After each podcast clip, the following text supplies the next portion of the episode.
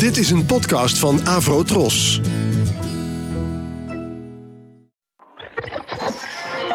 Ladies and gentlemen, The Fab Four. Fab Four. John, Paul, George, Ringo.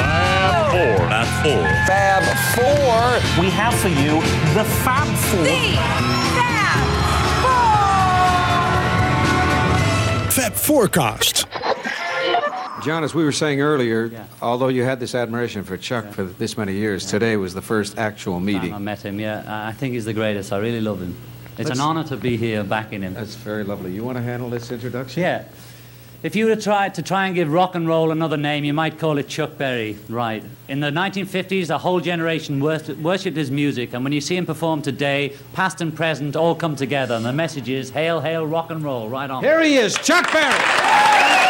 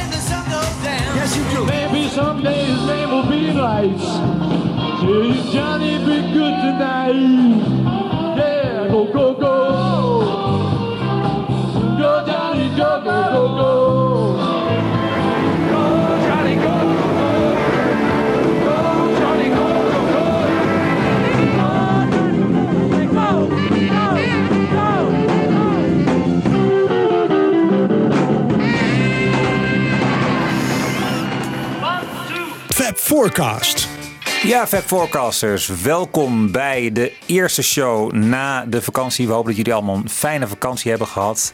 Ik zit hier weer traditioneel in de studio met Jan Kees. en Wibo. ja, en we gaan het deze show hebben over ja, de relatie tussen Chuck Berry en The Beatles. Ehm, want daar is alle aanleiding toe. Ja, eh, 18 maart jongsleden overleed Chuck Berry op 90-jarige leeftijd. En eh, ja, we hadden heel graag in de week daarna meteen een show willen opleveren. Maar zoals die dingen gaan, heeft het soms bij ons iets meer tijd nodig. Maar daar krijg je ook wat voor terug. Ehm, wat, wat was dit al om, om mee te beginnen eh, voor, voor montage, Wibo? Ja, nou, eh, dit was het Johnny B. Good, had je misschien wel herkend. Hey, ja. Je hoorde natuurlijk aan, de, in- aan het begin hoorde je John vertellen. Dat was in Mike Douglas Show in 1972. Daarna hoorde je de versie van Chuck, het origineel dus. Daarna de Beatles versie, eh, die ze bij de BBC hebben gespeeld. Toen een stukje Julian Lennon samen met Chuck Berry eh, op het podium eh, in de jaren 80. Uit de film Heel Heel Rock and Roll. Toen nog een Paul and Wings rehearsal uit 1980 kwam ik toevallig tegen op YouTube. Daarna George uit 1986. Die, versie hebben we ook wel eens eerder gedraaid in de aflevering over eh, het live werk van George. voor een liefdadigheidsconcert. En het eindigde weer met eh, John en samen met Chuck in die eh, Mike Douglas uitzending. Wat heeft het? George Harrison heeft toch ook met Carl Perkins die special. Spelen ze het ook, toch? Dat kan ik me niet herinneren Maar dat ik we weet daar niet of ze spelen. dit nummer- Volgens mij niet. Oh, een ander nummer weer. Oké, nou goed. eh, Ja. Slik ik even in. Eh, interessant, interessante eh, collage. Ja, en ehm, het zegt, zegt nogal wat. eh, Dat een nummer van Chuck Berry waar ze zoveel op terugkomen, zegt natuurlijk veel over eh, de enorme bewondering die de Beatles hadden voor Chuck Berry. Er is geen enkele andere artiest die zoveel gecoverd is door de Beatles. Dus eigenlijk eh, ja, een eh, hele goede aanleiding om daar in deze shows een keer uitgebreid bij stil te staan. Ik geloof dat het ongeveer 15 nummers zijn. Waar de Beatles, eh, misschien eh, ja, rond 15 nummers, waar, waar de Beatles eh, in groepsvorm of solo, die Beatles in groepsvorm of solo hebben gecoverd van, van de man. En ehm, ja, wat we gaan doen in deze show is een beetje terugblikken op het roerige leven van, van Chuck Berry. En ehm, ja, zoveel mogelijk ook fragmenten draaien die een beetje zo'n collagevorm zullen hebben, zoals we die aan het begin hebben gehoord. Ehm, zoveel mogelijk versies van Chuck Berry, maar die laten we dan overgaan in, eh, in de Beatles versie van datzelfde nummer. Ehm, Daardoor moeten we soms, dat moet ik even waarschuwen, een klein beetje aan eh, geschiedsvervalsing doen. In die zin dat eh, ja, eh, die nummers die Chuck Berry dan, laten we zeggen, in de loop van de jaren 50 op de plaats zet. Dan komt er een collage met de Beatles van, eh, van eh, 7, 8 jaar later. Maar dat, eh, dat, dat hoeft verder de pret niet te drukken, toch? Nee, zeker niet. Nee. Het gaat om het nummer dan in, in dat Ja. geval. Ja. Ja. Nou, ik heb eh, ter voorbereiding op deze show heb ik een heuse biografie eh, over de man gelezen. De Brown-Eyed Handsome Man van eh, Bruce Peck. En eh, ja, dat vind ik toch wel weer fascinerend als je in het leven duikt van zo'n eh, van zo'n man als dit. Eh, ja, ik had me voorheen nooit zo enorm met hem bezig gehouden. Maar ehm, het is toch wel aan te raden om eens een keer als je erin, zo, in zo'n die muziekbiografie vind ik altijd fascinerend. Niet alleen maar omdat je de muziek van die man beter le- leert kennen. Je leert die man in al zijn facetten en al zijn complexiteit beter kennen. Maar ook een heel stuk muziekgeschiedenis en eigenlijk ook sociale geschiedenis van Amerika natuurlijk. Hè. Dat krijg je bij Chuck Berry automatisch mee.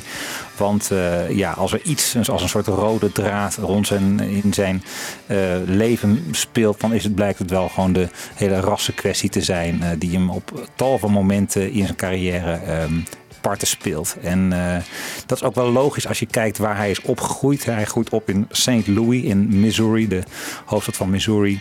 En daar, ehm, ja, daar woont hij in, in DeVille. Dat is een plek, een stadsdeel eigenlijk net boven het centrum. Daar wonen in 1910 6000 mensen, waarvan 90% zwart. En eh, zijn moeder heet eh, Martha Banks. Die komt als een immigrant eh, St. Louis, St. Louis bezoeken. En die komt in de Ville uiteindelijk te werken. Daar ontmoet ze ene Henry Berry. En zij krijgen samen vier kinderen. En daarvan is Charles Berry de jongste. Hij wordt geboren op eh, 18 oktober 1926. En ja, wat is de stemming dan een beetje in, eh, in St. Louis? Eh, nou, het is dus één grote, zeg maar, soort zwarte enclave. Eh, als je dan daar buiten kwam, hè, in de grote warenhuizen kwam, dan zag je gewoon alleen maar blanke werknemers. Dus geen zwarte werknemers in grote warenhuizen. Aparte bioscoopzalen voor zwarte. Eh zwarte hadden in lunchrooms alleen maar staanplaatsen. En nog, wat ik nog wel het meest stuitend vond om te lezen, is dat als je als zwarte door St. Louis zou reizen, moest je soms een paar uur op het station wachten. En dan werd je naar een apart station geleid eh, om tegen ziektes te worden ingeënt. Dus eh, dat is eh, ja, de sfeer, zeg maar, hoe je, hoe tegen, tegen je als zwarte werd aangekeken. Daar was ook een soort politieke leus voor. Ze waren weliswaar gelijk, ze waren equal, but separate. Dus ja, gelijkwaardig, maar ze moesten wel apart van blanken behandeld worden. En daar was ook alle ruimte voor volgens de toenmalige jurisprudentie van de Supreme Court. De uitspraak eh, ja, Plessy versus Ferguson uit 1896, die had de de Supreme Court ook gezegd van ja, rassen zijn gelijk, maar er zijn onontkenbare verschillen tussen rassen en die nopen tot segregatie. En zo zie je dat Chuck Berry eigenlijk opgroeit in die eerste jaren van zijn leven in een, eh, ja, in een eigenlijk een zwart dorp zou je kunnen zeggen. Waar hij echt niet eens weet heeft van het feit dat blanken bestaan. En dat is wel aardig om te lezen dat hij, eh, als hij drie jaar is, op een gegeven moment getuige is van een, eh, een brand ergens. Dan ziet hij een blanke brandweerman. En dat vindt hij zo'n absurd gezicht dat hij denkt van, nou ja, die man is zeker zo geschrokken van die, blan- van die brand dat hij helemaal wit is uitgeslagen.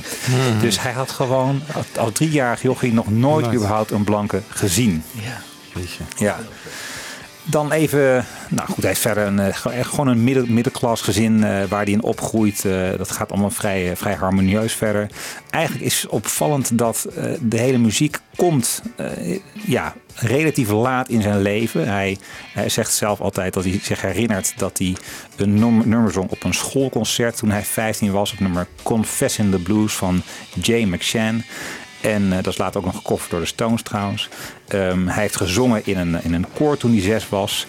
Maar al vrij snel, als hij 15 is, gaat hij dus een bandje beginnen. En eh, daar zit een Tommy Stevens op gitaar. En Chuck Berry probeert die Tommy Stevens eigenlijk zoveel mogelijk te imiteren. En blijkt al zelf al heel snel een zeer vaardige eh, gitarist ook.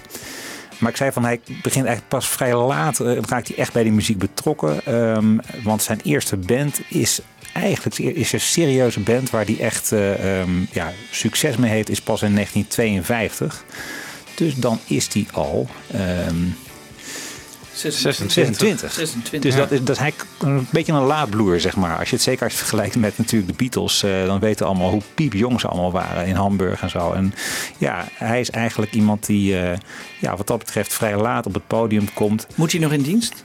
Nee. Oh. Ik weet niet of Nee. dat. eh, nee, dat. Dat hoeft hij niet. Nee. Ik weet niet of dat toen voor iedereen gold. eh, Heb je dat niet zo'n regeling? Ja, als je meerdere hier. broers hebt Ja. of zo, dan Ja, ja. hoef je niet. Dat alleen maar de oudste ja, hoeft. Ja, ja, Ja. ja. ja. Maar had hij alleen maar broers of had hij ook zussen? Hij had ook een zus. eh, ik ben haar naam even vergeten. Maar zij, dat is misschien ook wel belangrijk. Lucy heette ze.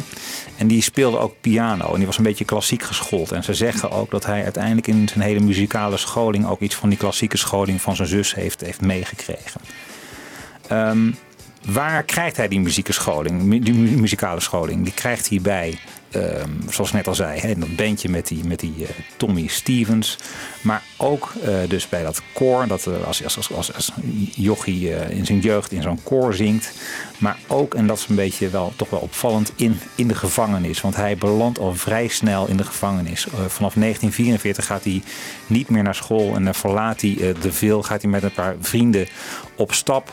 Ehm, gaat hij gewoon St. Louis uit.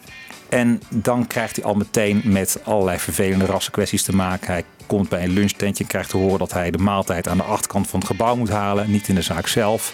Ehm, al heel snel raakt ook het geld op. En dan gaan de drie eh, mannen in Kansas City. Ja, je moet toch aan geld komen. En maar een paar gewapende overvallen plegen. Dat doen ze drie stuks, drie gewapende overvallen binnen vijf dagen. En dan is hij op dat moment is hij dus 18 jaar. Ze willen dan met het geld terug naar St. Louis en eh, dan raakt hun auto, die, die begeeft het. Dan wordt een passerende autorijder gestopt en dan krijgt de bestuurder van die auto krijgt van Chuck Berry een geweer onder zijn neus gedrukt. En eh, eh, die zegt van geef die auto maar af. Nou, ze rijden ge- gezellig verder. Een politieman die vindt het er toch een beetje verdacht uitzien. En eh, zo loopt het al heel snel mis met Chuck Berry. En ziet hij zich op 18-jarige leeftijd al meteen geconfronteerd met een veroordeling tot 10 jaar gevangenisstraf. Dus dat, en dat is, als je nog een tweede rode draad in zijn leven zou willen trekken, dan is het toch wel eens een hele problematische eh, relatie met justitie. Zijn hele leven? Ja, hij heeft echt eh, herhaaldelijk het met justitie aan de stok gehad om eigenlijk allerlei uiteenlopende redenen. Zo tot, tot diep in de jaren tachtig eh, heeft hij daar problemen mee. Zelfs deze eerste incidenten, die krijgt hij later als hij succesvol artiest is, krijgt hij nog eh, tegengeworpen door justitie. En dat zie je toch ook alweer. Dat zeg maar succesvolle zwarte mannen, die worden dat soort zaken natuurlijk eerder aangerekend dan als je als, eh, als blank zoiets zou hebben bega- begaan. Dus hij blijft er toch wel heel lang last van houden. En ehm, eh, ja, ik zei het even in het kader van zijn, zijn muzikale scholing. Want die krijgt hij voor een deel dus ook in de gevangenis. In de gevangenis van Algoa. Daar, eh, daar zingt hij eh, baspartijen in een uh, gospelkwartet. En daar maakt hij ook eh, kennis met de zogenaamde ja, jump blues. Ik ken die term niet echt. Een beetje een soort uptempo blues met heel veel saxofoons en andere blazers. En ehm, dat wordt ook wel gezien als een van de voorlopers van de, van de rock and roll en de rhythm and blues. Nou, uiteindelijk valt het met die hele uh, gevangenisstraf dan wel mee. Dat worden geen tien jaar, maar dat worden er uiteindelijk drie. Uh, dan vult hij zijn jaren tussen 19, ongeveer 1948 en 1955 nog met wat kleine feitelijke werkzaamheden. Hij wordt een soort, soort opleiding tot kapper gaat hij volgen als fotograaf. Hij is een beetje zoekende. En dan zo rond 1950, 1951, dan is hij dus... Um, ja, 4, 25 jaar oud. Dan begint hij zich echt op de muziek te richten. En een bekende hit uit die tijd, dat is het volgende nummer. We gaan even een klein stukje van draaien. Het nummer Rocket 88. Dat wordt wel gezien door sommige mensen als het allereerste rock and roll nummer.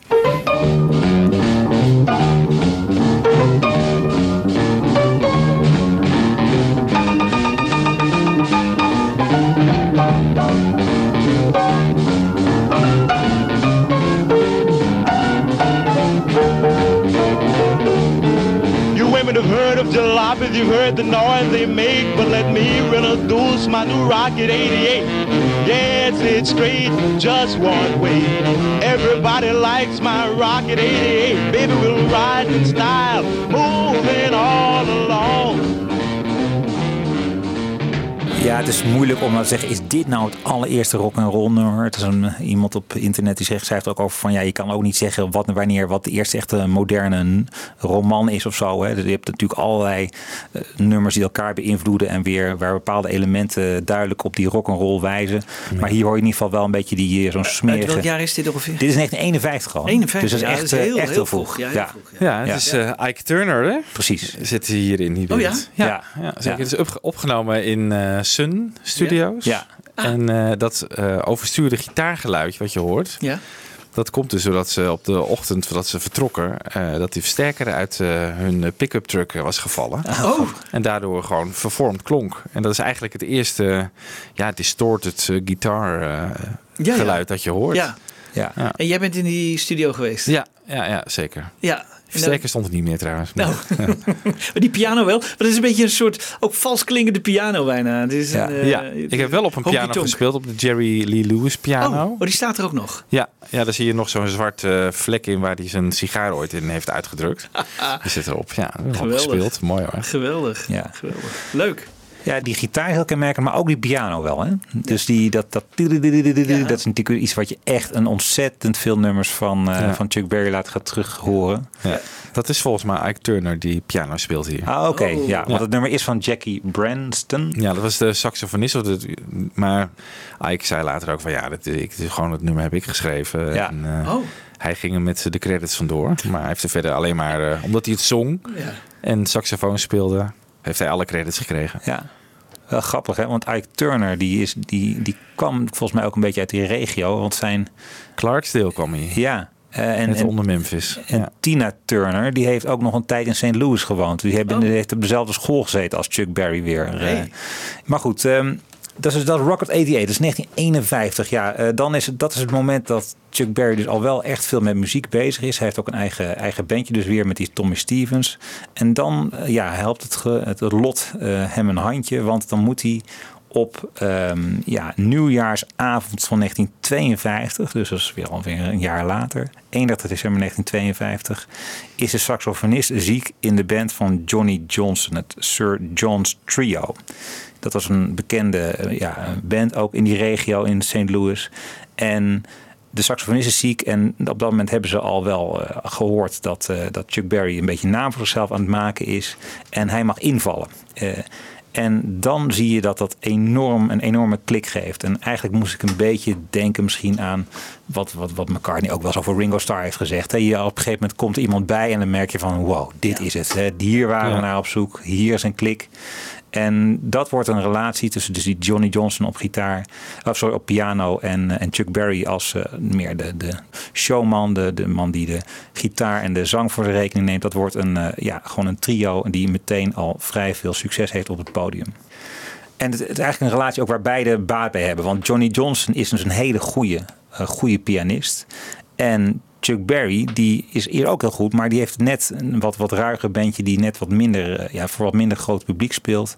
En zo kunnen ze het eigenlijk allebei eh, ja, van die samenwerking profiteren. Johnny Johnson, die eh, wat meer succes heeft, een groter publiek aanspreekt. En dat geldt, hetzelfde geldt voor, voor Chuck Berry.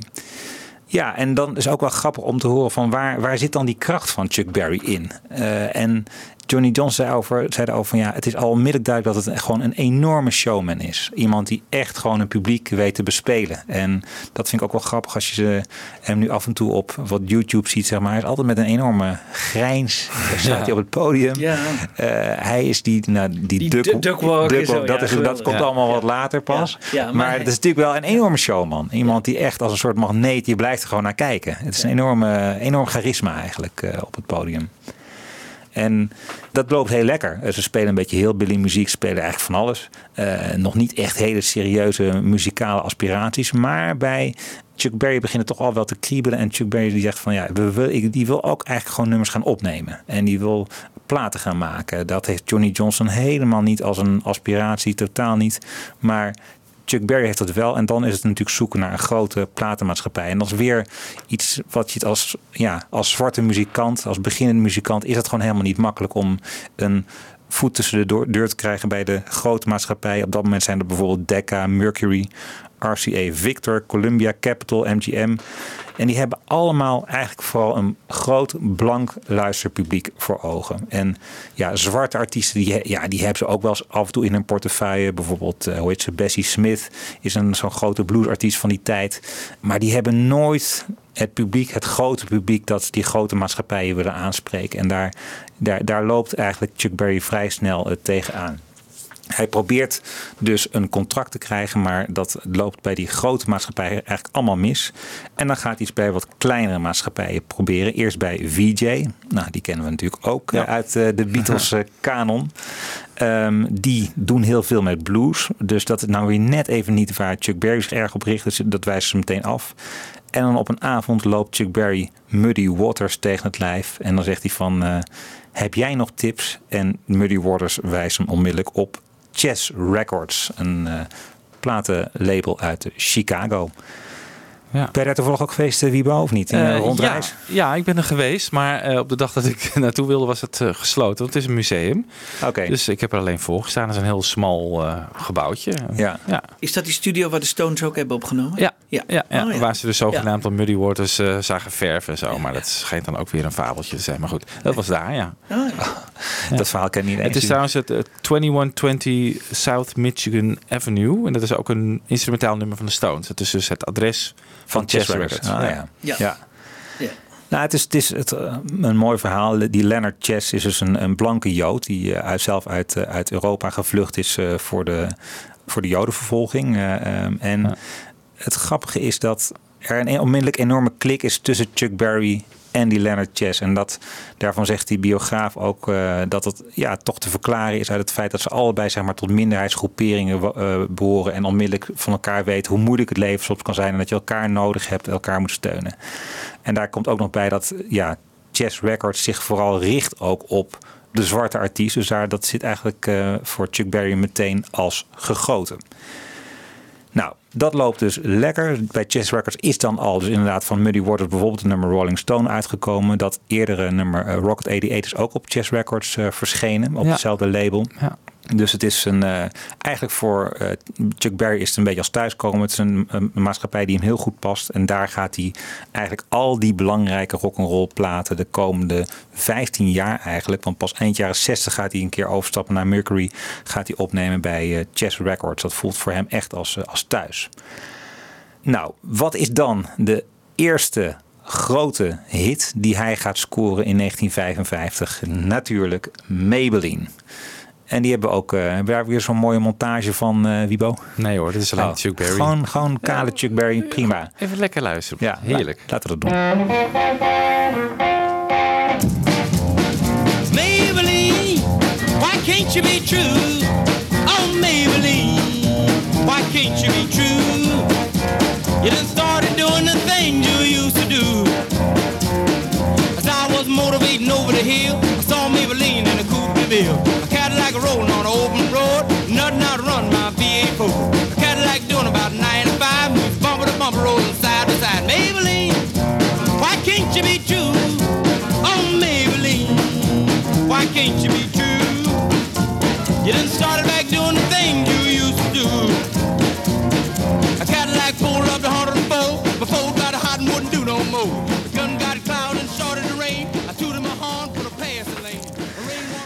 Ja, dit klinkt nu misschien niet meteen als iets heel erg unieks of zo, maar dit was echt destijds een totaal nieuwe sound. Dit, dit, dit deed helemaal niemand. Eh, zo fris en zo heerlijk up tempo. Ehm, het is dus een nummer dat eh, door Chuck Berry eh, zelf geschreven is. Eh, heel vaak gaat het dan zo dat Chuck Berry het materiaal aandraagt, eh, de tekst voor een groot deel zelf geschreven heeft. En dan eigenlijk in samenwerking met die Johnny Johnson komen ze tot die hele gave en opwindende rock and roll muziek. En ja, juist die samenwerking gaat uiteindelijk ook een beetje, wordt een lastig punt. Want aan, helemaal aan het eind van de carrière van Chuck Berry, dan gaat Johnny Johnson claimen dat hij zelf een veel groter aandeel heeft gehad in het schrijven van die nummers dan Chuck Berry beweert. Die eigenlijk al die nummers op eigen naam eh, schrijft. Uh, of, of laat registreren, de copyrights. Maar goed, dat is uh, allemaal pas voor later zorg. Uh, het is eigenlijk een hele... Wie denk jij dat daar niet gelijk heeft? Ja. Ik denk Johnny Johnson wel hoor. Want ja. er is een theorie natuurlijk, en ik geloof het wel, dat al die nummers van Chuck Berry, die zitten in een heel rare toonsoort voor ja. rock and roll. Bijvoorbeeld heel veel in bass. Ja. ja. dat speelt niet lekker op gitaar. Dan kun je veel beter gewoon in A spelen. Of... Ja. En dat zijn wel typische piano uh, toonsoorten. Ja. Dus, maar je komt, je komt aan het eind helemaal op terug. Dus uh, ja, er is inderdaad die theorie. En uh, dus een theorie door, die door Keith Richards in het leven is geroepen. Um, oh. ik, ik weet niet of, die nou, of dat nou voor alle nummers zo geldt. Maar het, inderdaad, veel nummers zitten wel in die rare toonsoort. Um, en ja, ik denk dat het gewoon heel vaak een hele soepele samenwerking was. En dat het altijd wel een aandeel was van, van Johnny Johnson. Maar het was echt niet zo dat hij naar de studio kwam en dat uh, als het ware Leonard Nijg en, en Boudewijn de Groot, weet je wel, zo, zo rigide. Zo ging het niet. dus nee. het was echt wel een, een, samenwerking tussen die twee. En je moet denk ik bij rock'n'roll toch ook een beetje samen tot iets komen. Denk ik heel vaak. Het is, ja, je kan wel ja, met, met die pianopartijen erbij moet je toch een beetje proberen, zeg maar, tot een, tot een symbiose, tot iets samen te komen. Nou, uh, dus ik denk zeker dat het aandeel, dat was er wel. Van, maar Chuck kreeg alle credits. Ik bedoel, uh, nou, hij, hij, liet de nummers gewoon op eigen naam registreren. Dus, ah, uh, en ja. dat liet hij dan ook toestaan, die andere. Dus, ja, dat, klopt. ja, dus. ja. want volgens mij is het met Maybelline, is dat toen fout gegaan. Toen heeft hij volgens mij zijn daar bepaalde co-auteurs ja. neergezet, die helemaal niks met het nummer te maken hebben gehad. Ja. En daarna heeft Chuck dus gewoon, volgens mij was hij daar heel rigide in dit is mijn nummer en ik sta er alleen als songschrijver op. Ja, precies. En dat is, dat is een belangrijk punt, want wie zijn die co-auteurs van Maybelline? Alan Freed en ene meneer Ross Fratto heet hij geloof ik. Alan Freed, de radio-dj. Ja, precies. Ja. Alan Freed is, is radio-dj. En hoe, hoe, hoe kan dat nou? Hoe kan een radio-dj nou zo'n belangrijk aandeel hebben? Nou, eigenlijk hangt dat samen ook met de hele uh, feit dat die, die rock en roll die kon niet opkomen zonder dat je natuurlijk de steun had van DJ's. Die platen moeten gedraaid worden. En het lag voor zwarte, nogmaals zwarte uh, artiesten niet voor de hand dat ze onmiddellijk bij alle grote blanke radiostations uh, een voet tussen de deur zouden kunnen krijgen. Maar wel voor kleinere radiostations. En die Alan Freed had daar toch een heel belangrijke rol in. Uh, die had eigenlijk op een paar manieren probeerde die zichzelf onmisbaar te maken om Chuck Berry succesvol te maken. En een van die manieren was uh, het zogenaamde Peola-systeem. Ja. Dat is Peola, dat betekent eigenlijk van uh, ik draai jouw platen als jij mij daarvoor betaalt. Dus jij, jij betaalt mij een deel van de opbrengsten of ik krijg een deel van de royalties. En zo kan ik airplay garanderen voor jouw nummers. Oh. Uh, dat was illegaal, dat mocht toen ook al niet. Maar dat uh, kon je vaak denk ik heel moeilijk aannemelijk maken dat dat niet was gedaan. En uh, ja, zo probeert Free, zo krijgt Free dus eigenlijk gewoon is een heel belangrijke springplank voor Chuck Berry. Ja, en later uh, zie je dat dus ook bij, bij Maybelline gebeuren. Dat die Alan Freed ook nog zegt van ja, ik wil wel als co-auteur van dit nummer bekend staan. En dan, dan ben ik ook bereid om daar de airplay aan te geven die, ik, die jij nodig hebt. Ja. Dus de ene hand was de ander. Ja, en dat is dus gelukt, die, die, hè, die samenwerking. Want daardoor is, is Chuck misschien bekend geworden. Ja. En hij hoefde dat daarna bij die volgende nummers niet meer te doen. Dat hij daarna zei, heel rigide, wat jij zei. Daarna wilde hij alleen nog maar alleen uh, op die... Uh... Ja, ik denk dat uh, bij, dat eerste, bij zo'n eerste nummer kan je dat wel voorstellen. En op een gegeven moment wordt het dan een heel groot succes. En dan, ja, ja, dan kan is je naam, dan, ja, dan is je naam gevestigd. Ja, dus... Ja maar het is een heel belangrijk. Die Alan Freed is, is heel belangrijk. Een belangrijke springplank voor Chuck Berry. En de twee werken dus in die belangrijke eerste periode van 1955 tot en met 1959 heel erg veel samen. Maken ook een paar films samen. Go Johnny Go en eh, Rock Rock Rock. Ehm, het zijn van die films waar eh, zelfs in een van die twee... daar, heeft eh, Chuck Berry ook nog een kleine acteerrol in. Maar het zijn eigenlijk een soort vehikels voor de rock'n'roll formule.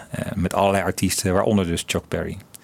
En allemaal eh, Alan Freed als de grote man die, eh, die het allemaal organiseert. En eh, die zijn, zijn naam eraan aan vastplakt. Ja. Dus ja, zo had je dat eigenlijk, dat had je eigenlijk wel nodig. En Maybelline is nog wel aardig om daar nog even iets over een kleine quote van te hebben. Want waar komt het nou vandaan? Hè? Waar komt die naam vandaan?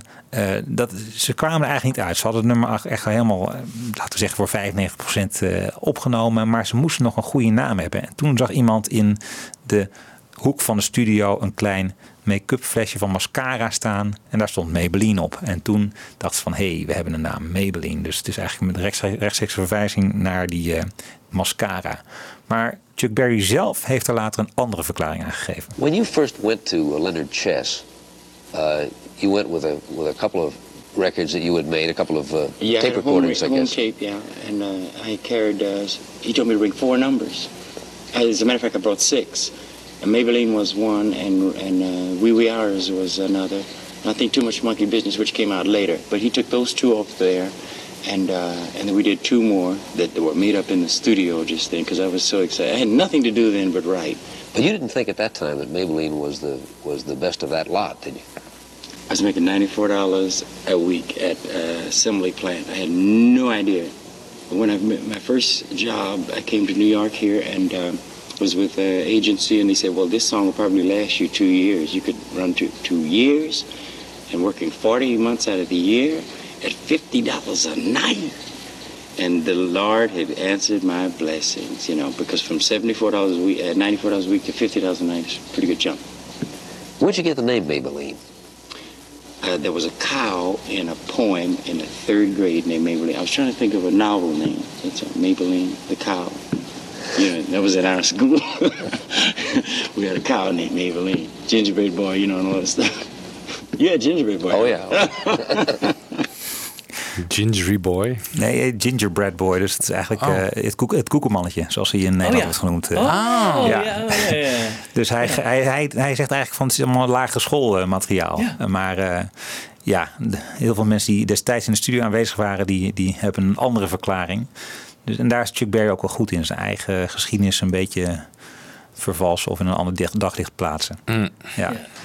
Nou, dat, eh, dat Maybelline wordt dus een, eh, een grote, grote hit. En dat is eigenlijk ook precies waar Chess Records naar op zoek was. Zij wilden een crossover maken naar de blanke popmarkt, de blanke muziekmarkt, door een zwarte artiest. En dan liefst een zwarte artiest helemaal op eigen naam. Want dat was natuurlijk iets wat eh, heel veel gebeurde.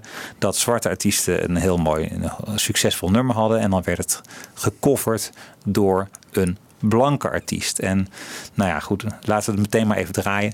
Pat Boone heeft daar een klein voorbeeldje van.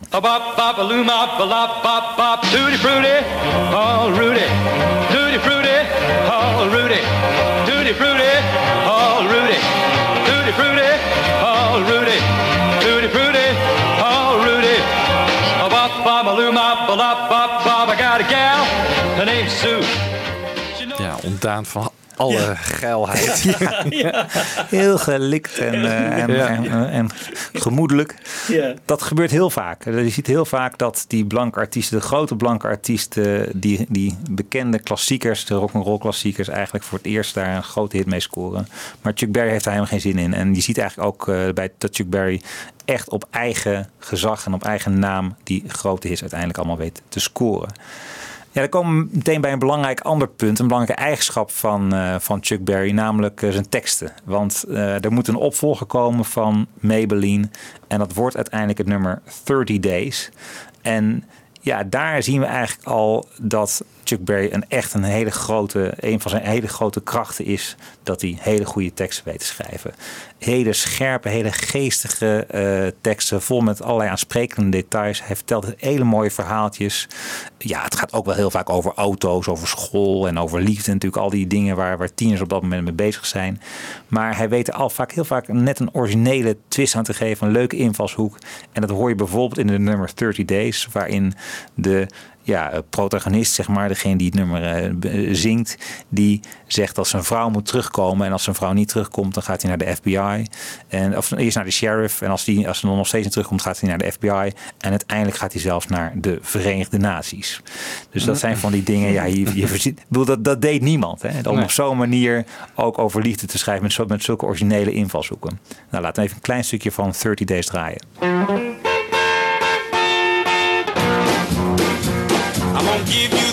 30 days to get back home. I done called up a gypsy woman on the telephone.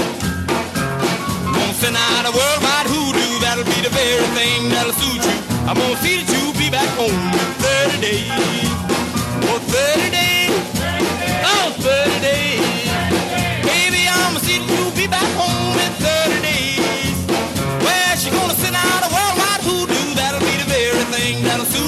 I'm gonna see that you be back home in 30 days.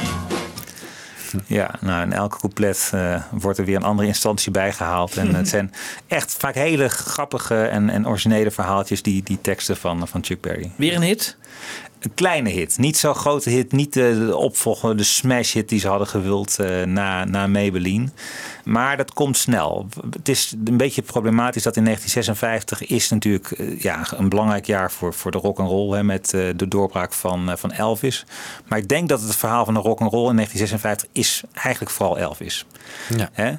Eh, Ed Sullivan Show is volgens mij die eerste, eerste optreden van, van Elvis in de Ed Sullivan Show is in september 1956. Eh, je hebt Fats Domino, Bill Haley, eh, je hebt een, een, weer een Alan Freed film, volgens mij Rock Around the Clock, komt natuurlijk ook dat jaar uit. Buddy Holly. Ja. En dat is nog niet het grote jaar dat, dat Chuck Berry zeg maar meelift op dat succes van die anderen eigenlijk. Maar het is wel duidelijk dat hij een factor is om rekening mee te houden. En dat is mensen ook wel duidelijk als ze dat nummer 30 Days horen.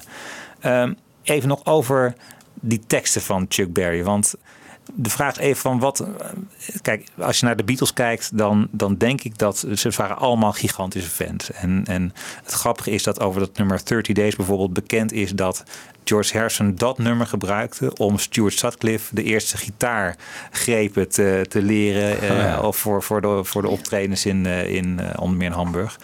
Ehm, John Lennon was een enorme fan. Eh, George Harrison was een enorme fan. Maar ook McCartney. Ze hadden allemaal echt...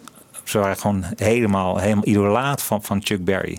En dat roept dan de vraag op bij mij een beetje van... Ja, wat, wat was nou de invloed van, van Chuck Berry ook als tekstschrijver op dat werk van de Beatles? Ehm, want zeker als je naar de evolutie zeg maar, van de Beatles zelf als tekstschrijvers kijkt, dan zie je eigenlijk dat er pas op een laat moment, eigenlijk pas vanaf 65 zeg maar, of misschien al wel iets eerder, maar dan, dan begint Lennon zelf wat meer van zichzelf in die teksten te leggen. Hè? Maar zeker in 263 is het allemaal wat meer, eh, ja, toch handje vasthouden en meer, meer, dat is in ieder geval het algemene beeld wat toch wel van, van die Beatles tekst uit de vroege periode bestaat.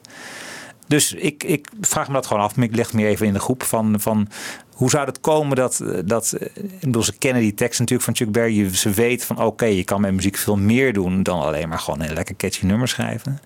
Maar eigenlijk zie je dus dat John Lennon dat hele fenomeen van een hele scherpe tekst schrijven, dat, dat hij ja, op een of andere manier zeg maar muziek en mooie teksten of poëzie zeg maar, dat, dat is voor Lennon heel lang zijn het eigenlijk gescheiden trajecten. Ja, Hè, dat- die, die, die, die leuke wordplay en zo, dat zit, bij hem in de, in de boeken. In de boeken, ja. En niet in de teksten nog eh, in die eerste jaren. Dus die, die invloed van Chuck Berry als tekstschrijver is denk ik in het begin gewoon niet zo heel groot. Eh, en, Nee. Maar goed, dat, dat betekent niet dat John daar niet, niet heel veel bewondering had hoor, voor, voor Lennon. Maar voor, eh, voor Chuck Berry. Nee, want ik denk, dat heeft Paul later ook wel gezegd, hè, dat die, die teksten van Chuck, die, die rollen lekker van je tong af. Ja. En dat, ik denk dat het metrum en de klanken van woorden, dat het dat wel heeft meegespeeld. Dat, dat Ja. teksten ook een muzikaal aspect kunnen hebben in plaats van wat dat nou precies betekent, maar gewoon de, puur de klank daarvan. Ja, ja. Dat is denk ik ook wel een invloed, eh, een Ja. invloed geweest. Nou, we gaan zo meteen natuurlijk een stukje horen. De invloed op eh I Saw Standing There, die, die heel, heel duidelijk is. Dat, die zit ook in de teksten. Ja, Ja, dat zit ook in de tekst, klopt. ja, ja. ja. Hoe was dat? Die, die, al die singles van, van Chuck, waren die allemaal te krijgen in Liverpool? Eh, was er ook al gelijk een Europese doorbraak? Of, eh, Nee, dat kwam allemaal allemaal echt, echt later. Ehm, eh, nou, hij heeft, hij heeft denk ik ook al wel... Nee, met die singles heeft hij ook wel, ook wel hitjes in, in Europa eh, eh, soms. Of ze allemaal te krijgen waren, weet ik niet. Wat ik namelijk wel weet, is dat... eh, dat is wel later pas hoor, maar rond 1960, 61... eh, dan luisteren natuurlijk de hele eh, Liverpool scene... maar ook de Stones luisteren allemaal naar, naar, naar Chuck Berry. En Keith Richards en Mick Jagger, die ontmoeten elkaar volgens mij in 1961 ergens op een perron hè, in Dartford Ja. Station in, in Engeland. En dan heeft Mick Jagger dus een plaat van Chuck Berry onder zijn arm. En hoe komt hij daar aan? Nou, die is niet, was niet te bestellen in Amerika of in, eh, in Engeland. Dus die heeft hij echt bij Chess Records in Chicago eh, besteld. Ja. Dus dan zie je even hoe, hoe ongelooflijk ondernemend die, die Mick Jagger was. Eh, dat hij, ja, dus zeg maar, als ik er niet aan- kan komen hier, dan ga ik hem gewoon bestellen. En eh, dat, dat zal wel een centje gekost hebben. Ja, en, en niet makkelijk geweest Nee. zijn. Ik Nee. hè, met, met geld eh, omwisselen en eh, Ja. naartoe schrijven. Naar wie moet je dan schrijven Ja. en, en hoe gaat dat allemaal? Maar je kreeg meteen bij Chuck Berry al waar voor je geld. Want wat Chuck Berry deed, en dat deden heel veel artiesten eigenlijk niet in die tijd, was gewoon meteen een langspeelplaat opnemen. Dus er zijn van Chuck Berry al, ik geloof vanaf 57 al echt complete LP's te krijgen. En vanaf dat moment is voor hem de LP-vorm ook een heel belangrijke manier om zijn muziek eh, zeg maar, op, eh, te verspreiden. En dat geldt ook niet voor iedereen. eh, Nee. nee. Heel veel single eh, Precies. georiënteerd, ja. Ja. Nou, laten we nog even luisteren naar wat eh, John Lennon over, eh, over Chuck Berry's teksten te zeggen heeft. John said your music had a message. Do you think it did? I really, I really try to make it. I really, I can't sing a song, oh baby, oh, oh baby, don't go. Don't go because you know I love you so. I mean, that's understood, you know. But he was writing good lyrics and, and intelligent lyrics in the 50s when people were singing Oh Baby, I Love You So. And it was people like him that influenced our generation to try and make sense out of the songs rather than just say, do our daddy, you know? Ja, je zegt Lennon dus toch van ja, het, het maakte wel indruk. Maar hij gaf, hij had niet meteen zelf de juiste eh, vorm gevonden om er zelf eh, een eh, soort opvolging aan te geven. Ja, wat is dan die volgende grote hit van Chuck Berry? En dat is een, in, in 1956 is dat natuurlijk het nummer Roll Over Beethoven. En eh, dat is ook meteen wel weer aardig. Het is natuurlijk vooral eh, ja, natuurlijk ook talloze malen gecoverd door de Beatles. Maar hier zien we ook dat eh, iets, een fenomeen wat heel veel een rol speelt in heel veel nummers van Chuck Berry. Namelijk het, zeg maar, het conflicteren van hoge met lage cultuur. Dus hij zeg maar, op het moment dat die, die rock'n'roll zo groot wordt in 1956, ja, zijn natuurlijk ook heel veel eh, mensen van de generatie daarboven die daar een beetje op afgeven. Die er eigenlijk helemaal niks van moeten hebben. Die zien die kids helemaal ontsporen en die zeggen van jongens, dit, is, dit gaat helemaal de verkeerde kant op. Eh, en die geven eigenlijk de rock'n'roll de schuld van allerlei ja, maatschappelijke misstanden en dat het misgaat met die kinderen. En Chuck Berry die gooit gewoon nog wat olie op het vuur. Die zegt van we moeten helemaal niks van jullie hebben. En die zegt ook, dus zeg maar in die zin moet je Roll over Beethoven ook echt begrijpen. Van wij moeten de oude muzikale orde omverwerpen. We willen er helemaal niks mee te maken hebben. Dus Roll over Beethoven en tell Tchaikovsky the news. Ja, mooi. hè? Dat is, de, dat is eigenlijk de boodschap die hij heeft. Ehm, dus hij gooit olie op het vuur. En we gaan even een, eh, een montage luisteren, geloof ik, hè, van Roll over Beethoven. Ja, klopt. Ja. We gaan even het hele nummer eh, draaien. Maar het begint met... ehm, in 1992 heeft George natuurlijk voor de allerlaatste keer in eh, Engeland opgetreden. En het laatste nummer dat hij ooit daar heeft gespeeld in Engeland... dat is Roll Over Beethoven. Dus daar, Oh. eh, dat begint eh, daarmee een stukje. Volgens mij met Danny Harrison zelfs op eh, gitaar. Eh, zijn zoon. Daarna de versie van de Beatles, die we allemaal kennen. Daarna de versie van Chuck. En we besluiten met een eh, rehearsal van het one-to-one concert van John uit 72, waar, eh, waar die Roll Over Beethoven ook speelt. It's been a nice night, thank you all. We'd like to end up with this one.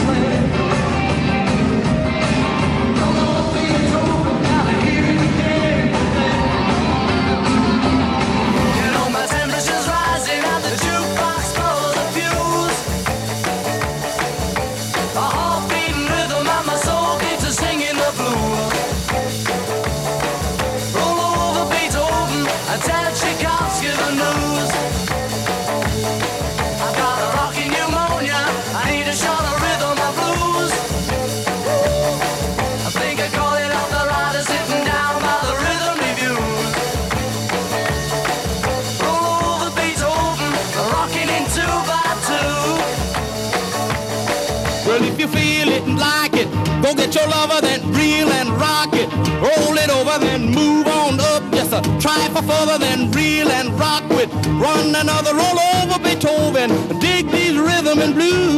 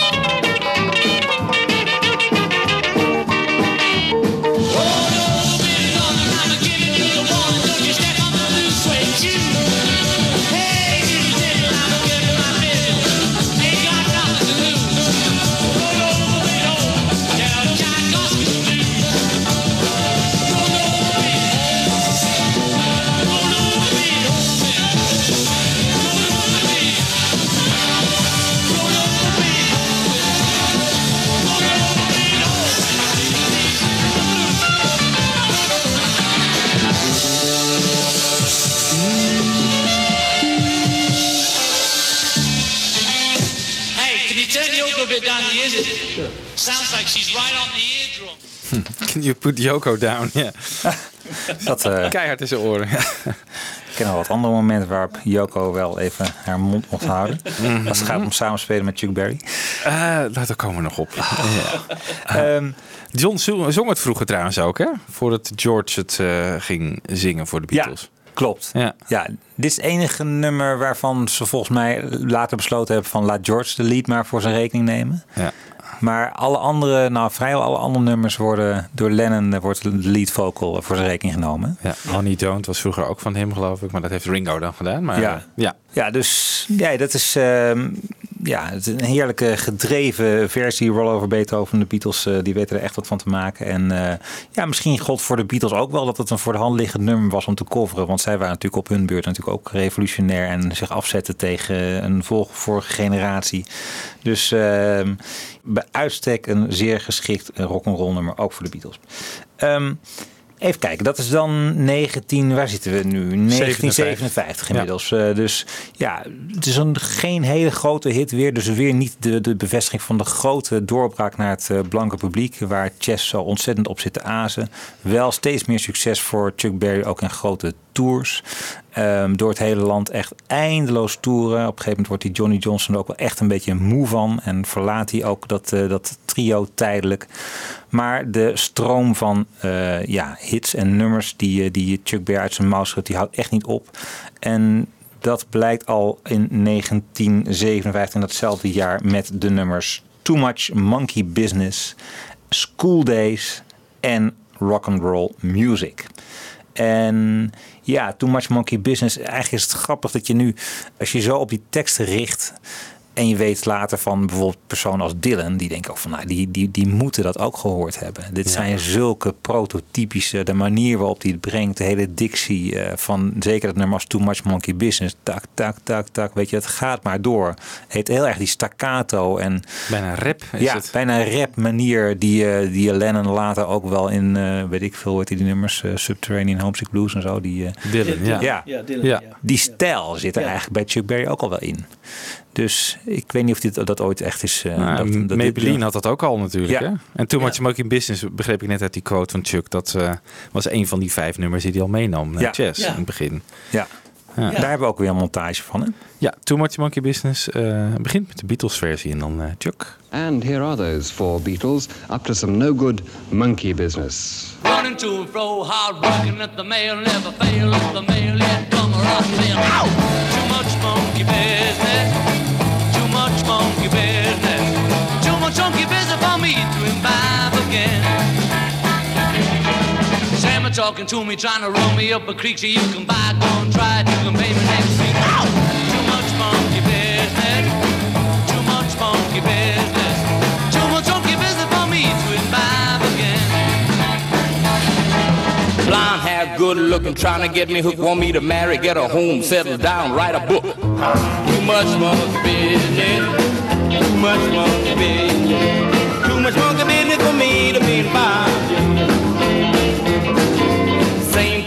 every day, getting up, going to school. No need of me complaining, my objections overrule. I ah, too much monkey business, too much monkey business. I don't want your botheration. Get away, leave me. be.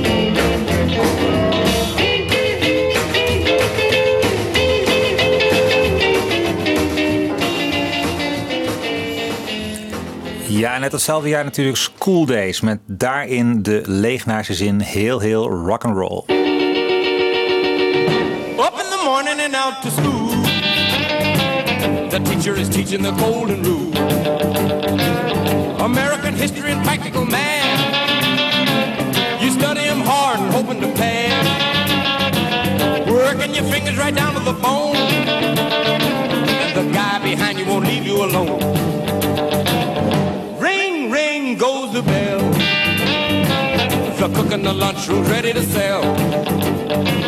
You're lucky if you Ja, we hoort hier even niet dat zinnetje, maar het komt wel later de nummer voor.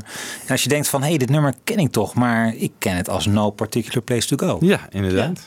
En dat is wat Chuck Berry vrij vaak doet. Hij maakt het nummer gewoon. Hij geeft gewoon een, een, ja, een andere draai aan, een andere tekst, maar verder dezelfde melodie. Ja, ja, dat doet hij echt een paar keer in zijn eh, carrière. Ook in de latere nummers verwijst hij bijvoorbeeld in nummer Nadine verwijst hij weer naar Maybelline. Eh, dus hij is heel, in die, hij is een beetje twee kanten. Dus hij is heel origineel en oorspronkelijk telkens in zijn benadering van die teksten, maar een zekere eh, eh, recycle, eh, eh, recycle, recycle is ook niet zijn. vroegere samplen eigenlijk gewoon. Ja. Ja. Eigenlijk is hij een hele, Ja. gewoon de inspiratiebron voor, eh, voor de, inderdaad de rap generatie geweest en, Ja. en de sample generatie. Ja. Ja.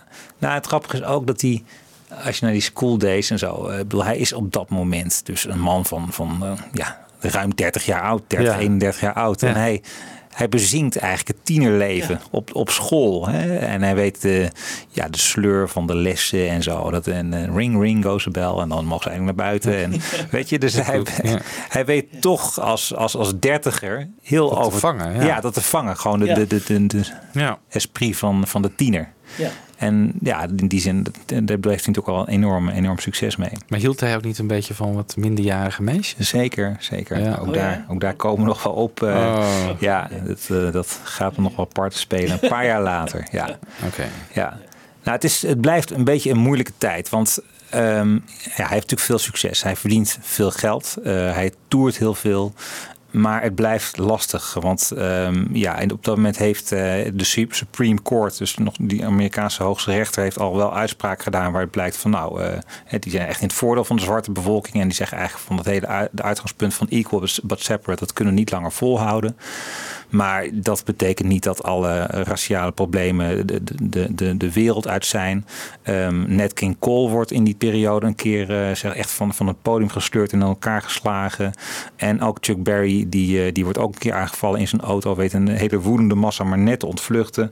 Hij moet heel vaak, en dat is natuurlijk ook een beetje een soort ja, rare situatie. Hij heeft geld genoeg, maar je mag niet een restaurant in om, eh, om gewoon een fatsoenlijke maaltijd te bestellen. Hè. Maar je moet telkens langs de achteringang. Eh, dus ja, toch een beetje lastig van hoe ga je nou, eh, hoe, hoe ga je daarmee om? En dat, dat betekent bijvoorbeeld, en die waar, waar hij zich door kenmerkt, dat hij heel vaak een eigen elektrisch kookstelletje bij zich heeft in zijn tourbus. Dus hij gewoon zorgt dat hij zijn eigen, dat zijn eigen, eigen hamburgertje kan bakken.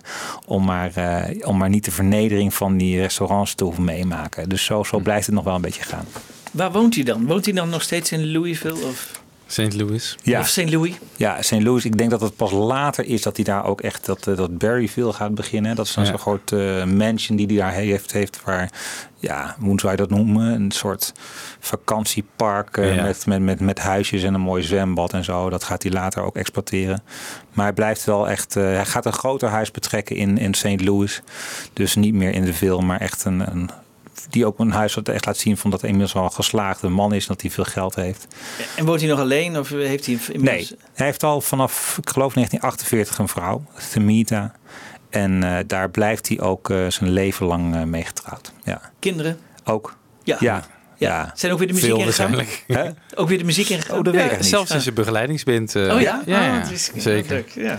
Nou ja, dus ehm, ook eh, het nummer You Can't Catch Me schrijft in die tijd. Dat komt later nog ter sprake als, eh, als Lennon daar wat, wat zinnen uit gaat pikken. Dan hebben we ook, en dat is ook wel uniek, dat gaan we helemaal aan het eind van dit, eh, deze show draaien. Het nummer Brown Eyed Handsome Man komt ook uit, uit diezelfde periode, uit eh, 1957. Een heel opvallend nummer, omdat hij daar ook zegt van, nou ja, eh, dat laat hij heel erg mooi zien wat het dilemma is, tegen welke moeilijke situatie de, de zwarte mensen zeg maar, op dat moment aankijken. Dat begint al met een prachtige zin, arrested on charges of unemployment. Dus eh, je wordt gearresteerd omdat je werkloos bent. Eh, En, en nou ja, goed, dat is zeg maar vijf woorden die, die echt heel mooi beschrijven met welke ja, sociale en economische problemen zwarte toen nog steeds te maken kregen. Maar er is ook een zonnige kant in dat nummer. Want de vrouw van de, de blanke rechter wil dat die brown-eyed handsome man bevrijd wordt, dat hij vrij wordt gelaten. Dus hij bezinkt ook wel weer de trots die hij heeft als, als, als zwarte man. Ja, gewoon trots op om, om zwart te zijn eigenlijk. Say it loud, I'm black, black and I'm proud. Dus dat is echt uh, avant la lettre. En ook daar weer dat, dat botsen van lowbrow en highbrow cultuur. Want een van de zinnen die ook in voorkomt is dat de, de Venus van Milo de wereld had in de, in de palm van haar hand had, maar ze verloor haar beide armen in een worsteling met een brown-eyed handsome man. Ja. Dus daar zie je het ook weer terugkomen. Ja, en dat is dan Milo de Venus, hè? Dat Ja, maakt precies. ervan. Hij keert het even, hij keert het even om. me- qua metrum beter. Pas Ja. beter, ja. Ja. ja. Geweldig. Ja.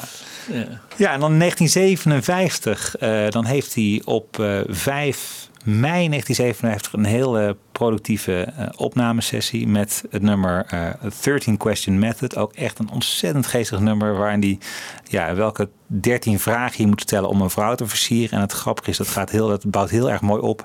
En dan de dertiende vraag, die spreekt hij niet uit, maar die ligt heel erg voor de hand natuurlijk als je het hele nummer hebt gehoord. Eh, en het nummer rock and roll music. En dat is eigenlijk weer hetzelfde patroon als Roll Over Beethoven. Dus afzetten tegen jazz. Hè? Want dat klinkt maar als een. De modern jazz klinkt als een eh, symphony. Dus dat, daar zit het ook weer in. En ik geloof dat je daar ook weer wat van hebt. En, Ja. Nou, dat hebben de Beatles natuurlijk ook gedaan. Hè? Ja. Het was eh, het openingsnummer tijdens hun laatste tournee in 66. Dus je hoort zo een eh, kort fragmentje van eh, Candlestick Park. Het laatste betaalde live concert van de Beatles. eh, en daar rock'n'roll music van. Gaat over in de studioversie en daarna Chuck zelf.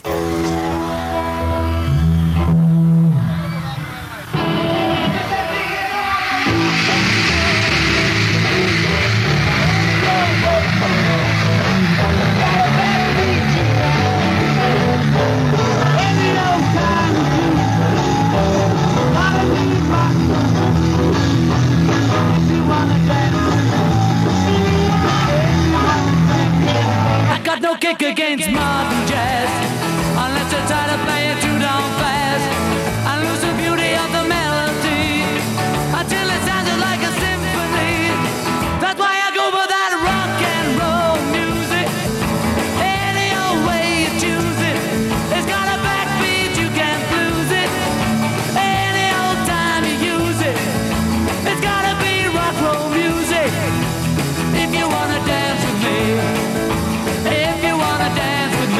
took my loved one over across the tracks so she could hear my man a wailing sax.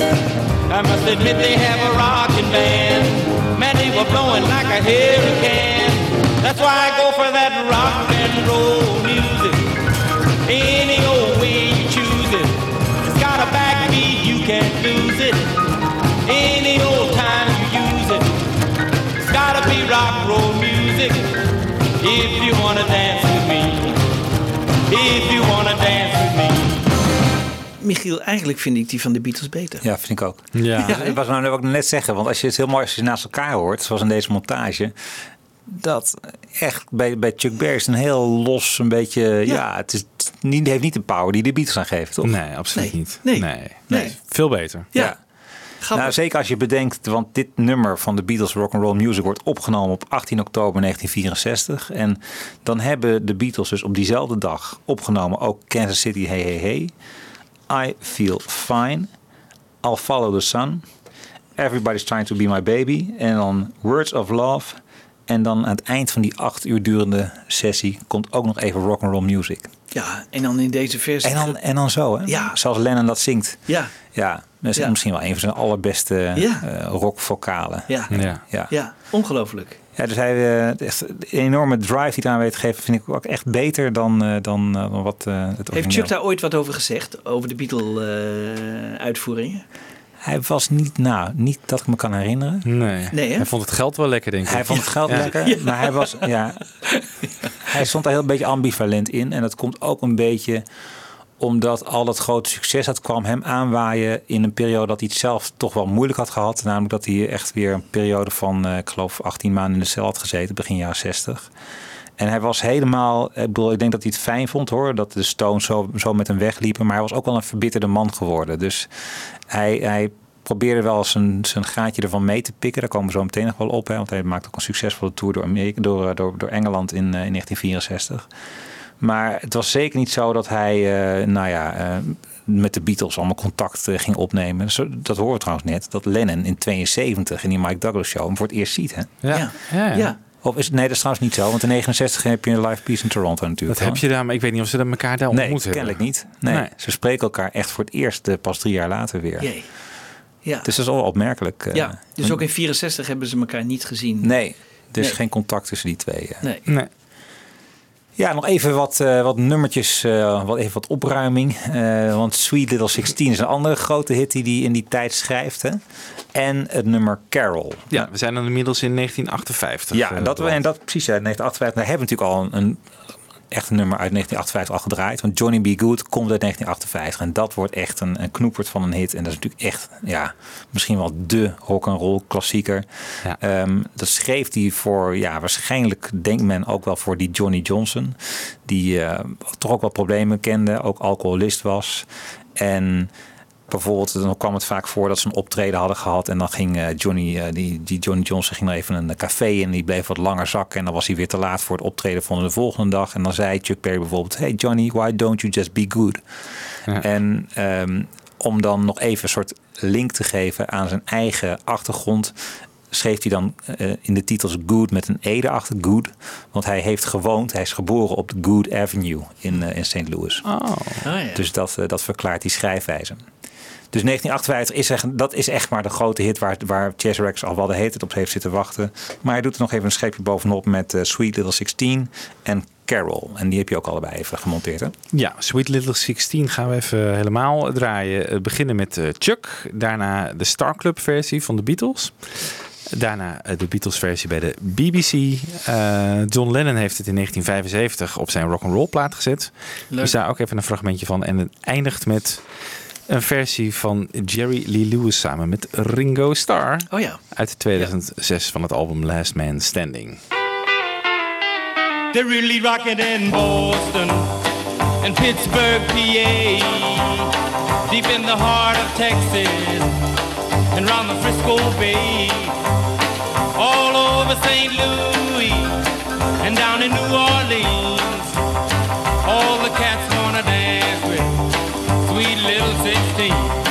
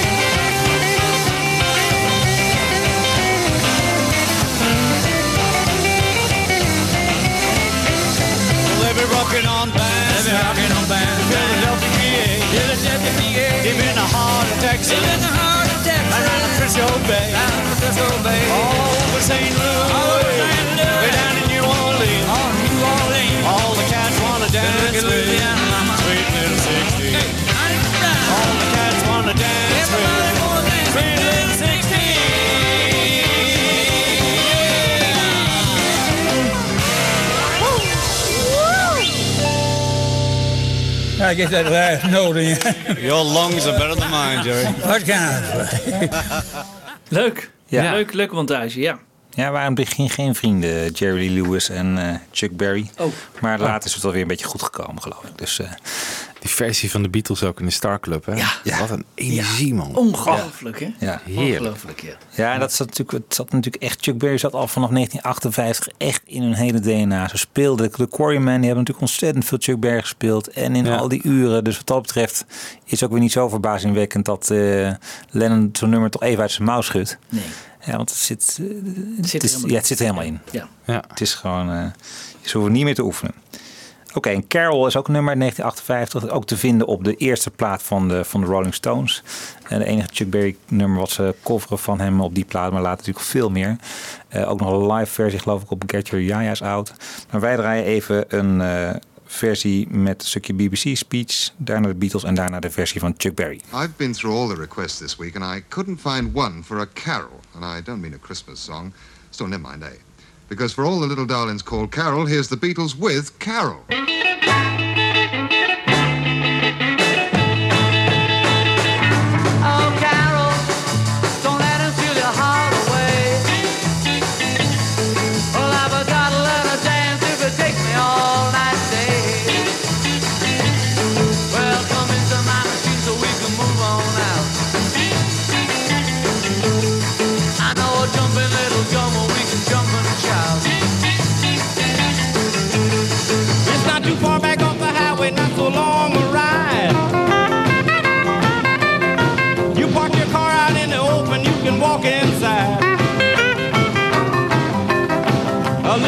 Little cutie takes your hat and you can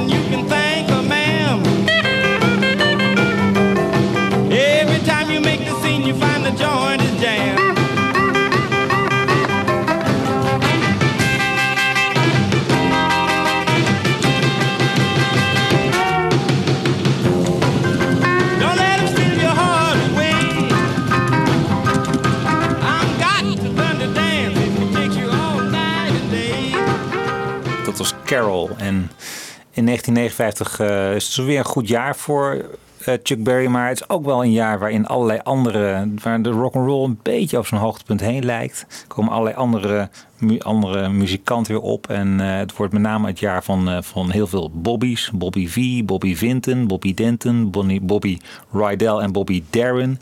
De carrière van Paul Enka komt op. Ricky Nelson, Frankie Avalon. Dus er zijn meer zeg maar de, ja, de keurige blanke jongens.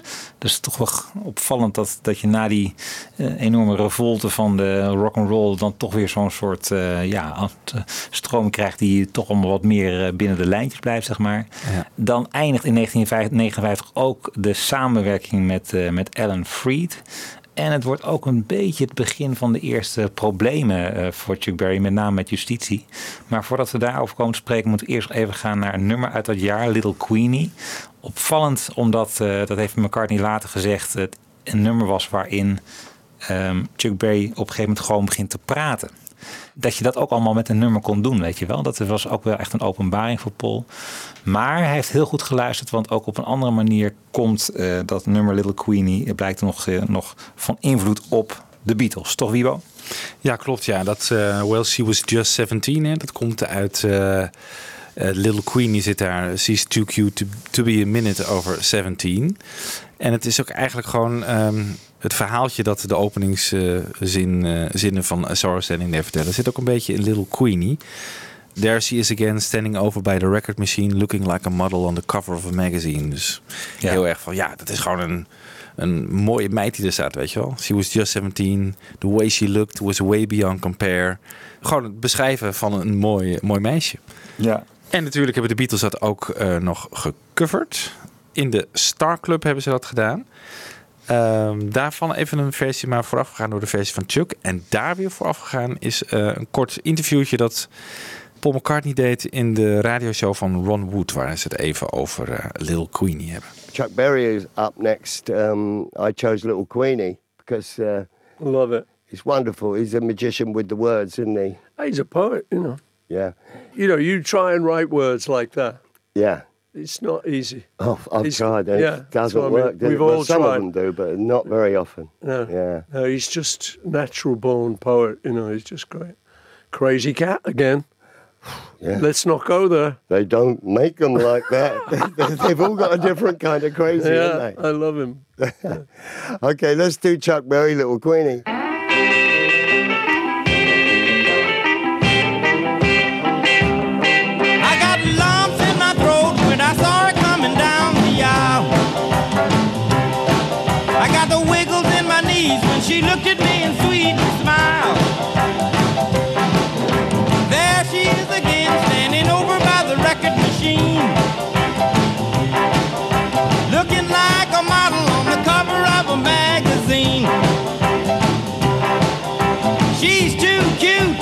Minute over 17.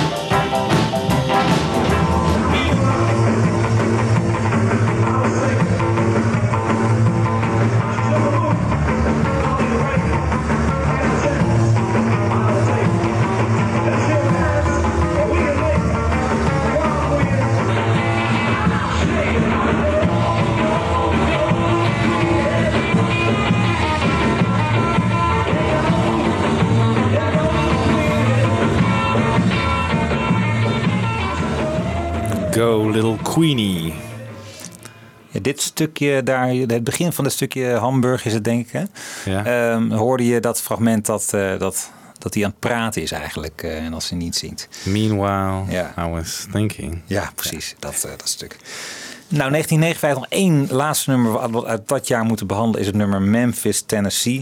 Ook weer echt een eh, hele bijzondere tekst. Eh, ik citeer even, we kennen natuurlijk allemaal eh, het begin. Hè? Long distance information, give me Memphis, Tennessee.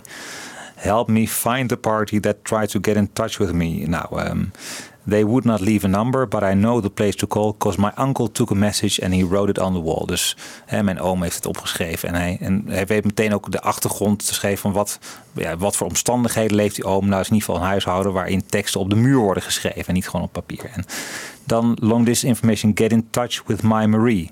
En dan denk je, ja, she- she's the only one who'd phone me here from Memphis, Tennessee. Dat zal wel over zijn liefje gaan die hem wil bellen, hè, hier from Memphis, Tennessee. Dan zegt hij nog waar haar huis ligt en zo. Eh, ik mis haar en al het plezier dat we samen hadden. En dan geeft hij een soort draai aan de tekst. But we were torn apart because her mom did not agree and tore our happy home in Memphis, Tennessee. Dus het gaat niet over. Mary is dus niet zijn vrouw, maar zijn kleine dochtertje die die zo mist. Eh, En eh, dus dit nummer, dat is eigenlijk onvoorstelbaar. In 1959 zingt hij gewoon, bezingt hij gewoon het lot van de alleenstaande zwarte gescheiden man die gewoon zijn, zijn, dochtertje wil spreken. En natuurlijk ook weer ja, een thema waar je niet, dat je niet 1, 2, 3 verwacht in een rock'n'roll nummer. Ehm, dit nummer is in 1959. Dat hebben de Beatles natuurlijk ook weer gezongen. Ehm, een paar keer zelfs, meen ik. En wij gaan draaien, ja zeker, natuurlijk. De Decca-sessie, hè? Ja. Daar hebben ze het gedaan. Precies. Ja, zeker.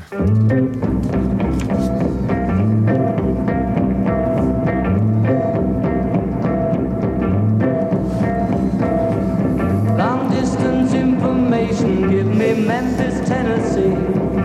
Try to find the party, trying to get in touch with me. She would not leave her number, but I know who placed the call. Took the message and he wrote it on the wall. Ja, dat was bij Decca. En het is trouwens ook een van de drie nummers geweest bij het eh, radiodebuut op eh, de BBC op 7 maart eh, 62. John Lennon takes the vocal lead in this rhythm and blues version of Memphis, Tennessee.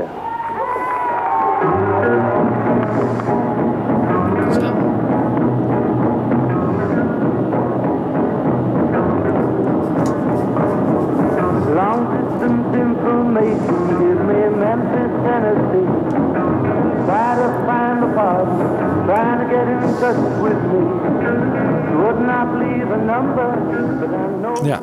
Is dit nog met eh, Piet Best? Ja, Ja. dit is nog met Piet Ja. Best. Ja, die hoor je daar ook. Decca natuurlijk ook. Ja. En hier speelden ze trouwens ook eh, Please Mr. Postman in deze show. En het was de allereerste keer dat er een Motown-nummer op de Engelse radio te horen Ja. was. Dat is ook wel bijzonder. Dus doen ze dat. En Roy Orbison, hè? Eh, Dream Baby inderdaad. Ja. En Chuck Berry dus. Eh, ook een zwarte artiest. Het is best bijzonder eh, dat dat eh, in die tijd al door de Beatles eh, gewoon op de, op de radio is gedaan.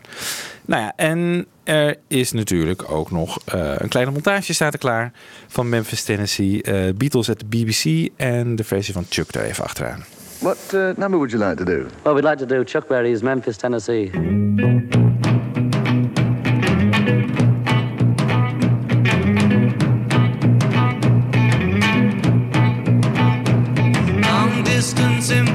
Information, give me Memphis, Tennessee. Try to find the party, trying to get in touch with me. She would not leave a number, but I know who placed the call. Small coat took the message and he wrote it on the wall. Help me information, get in touch with my Marie. She's the only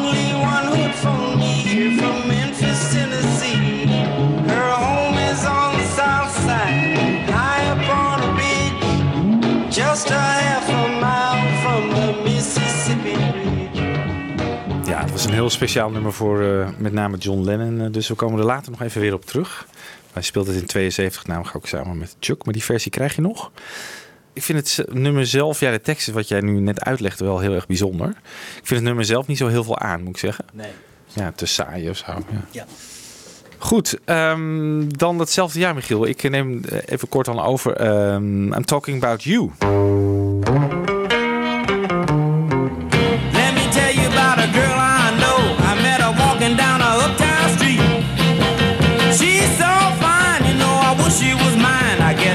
Up every time we meet.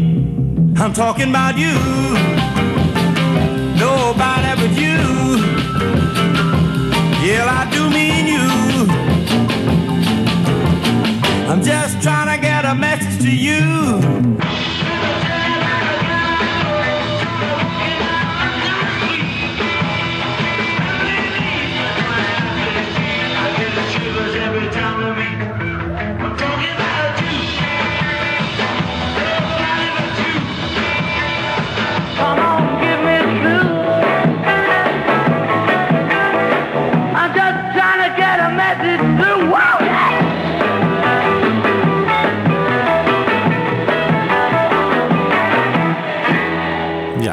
Dus eh, Talking About You, eh, Chuck Berry en toen de Beatles in de Star Club. En daarna de Beatles eh, at de BBC.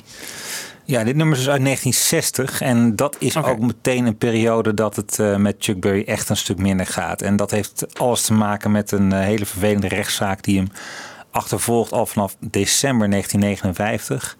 En dan wordt hij namelijk eh, gearresteerd door de justitie in, eh, in eh, Missouri vanwege overtreding van de ja, zogenaamde Mann Act. En Man met dubbel N.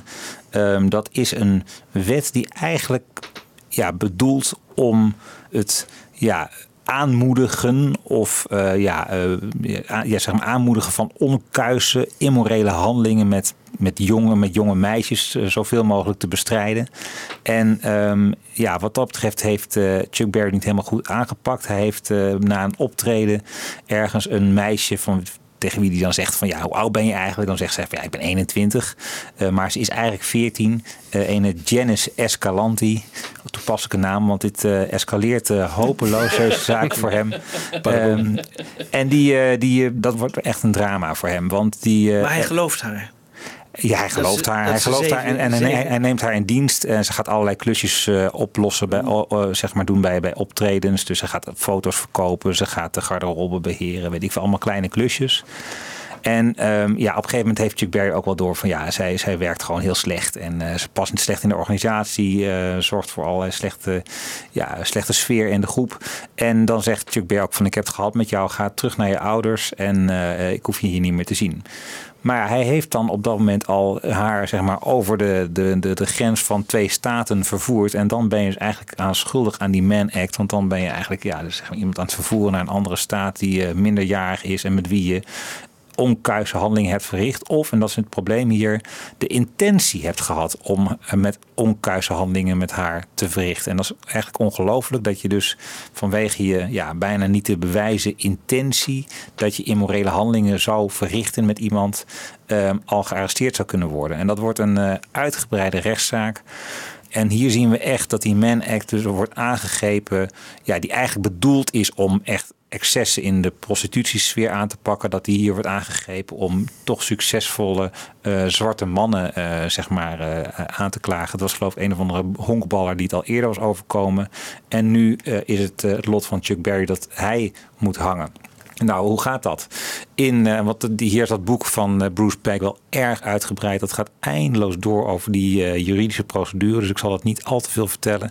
Maar wat wel duidelijk is geworden, is dat in die in eerste aanleg, dus bij de rechtbank, heeft hij eigenlijk gewoon een, een ja, is, een zeer sterk een raciaal gemotiveerde veroordeling volgt uiteindelijk uit. Ehm, je ziet dat de rechter. Hij kan natuurlijk wel een goede advocaat betalen. Ja, die had hij ook wel. Hij had wel een goede advocaat. Maar hij had ook een hele sterke aanklager, helaas. En, eh, en als je dan ook nog een rechter hebt die voortdurend zegt. ehm, ja, het gaat over die zwarte, hè, die zwarte man die daar zit. eh, voortdurend dus benadrukken dat het eigenlijk een, eh, ja, bijna een soort geile, bronstige zwarte man die zijn primitieve lusten moet botvieren op een jong meisje. Dat is het beeld wat hij de rechter weet te scheppen bij de jury. En dat, dat, eh, dat leidt dan tot een veroordeling in eerste aanleg. Tot een hoger beroep komt het dan. Waarin eh, ook de hoge beroepsrechter zegt van ja, dit is, eh, dit is gewoon een, raciale veroordeling. En dat past niet meer in het Amerika van eh, 1961. Maar dat uiteindelijk wordt het teruggestuurd weer naar naar een andere rechtbank. En dan krijgt hij toch een veroordeling van drie jaar gevangenisstraf aan zijn broek. En daarvan moet hij er uiteindelijk ook anderhalf jaar uitzitten. En ja, dit is iets, eh, een gebeurtenis. eh, Uiteindelijk zit hij van februari 1962 tot oktober 1963 in, het, in de gevangenis. En eh, dat is wel een periode waarvan later mensen zoals bijvoorbeeld Johnny Johnson hebben gezegd van ja, dat heeft hem echt wel veranderd. Het heeft hem tot een toch een verbitterde en wantrouwende man gemaakt. En iemand die extreem op zichzelf is vanaf dat moment. En hij was eigenlijk altijd heel vrolijk en goed las. En ja, wel natuurlijk wel zijn eigen naardigheden, maar eh, dat, dat uitzicht nooit zo eh, extreem als, als eigenlijk na die, pas na die, eh, niet, nadat hij die gevangenisstraf heeft uitgezeten. Het is wel zo dat hij eigenlijk vanaf het moment dat hij uit de gevangenis is, onmiddellijk weer met opnames begint. En hij heeft echt heel veel mooi materiaal geschreven in de gevangenis. Waaronder vind ik een van zijn allermooiste nummers, het nummer eh, Nadine. Gaan we zo meteen nog draaien. Maar het, het maakt hem wel een verbitterde man. En ehm, wat dat betreft is het ook opmerkelijk dat er altijd een periode van 17 jaar lijkt te zitten tussen, tussen zijn probleem met justitie. Dus eh, 17 jaar voor 1963 heeft hij een aanvraag gehad met, eh, met de politie. En in 1979 krijgt hij weer problemen met justitie. En dan weer een poos later krijgt hij weer problemen met die Johnny Johnson. Dus het lijkt telkens een, na een x aantal jaren dan, dan loopt hij te hoop tegen de Amerikaanse justitie. Ehm, dat loopt ook mooi samen met, en dat is dan wel weer mooi voor hem, eh, zijn succes over zee. Ehm, en trouwens niet alleen maar over zee, maar ook in Amerika. Bijvoorbeeld het nummer eh, Surf in Safari van de Beach Boys gaan we nu even draaien. Dat is eh, overduidelijk eh, een rip-off van eh, het nummer Sweet Little 16, toch? Ja, draai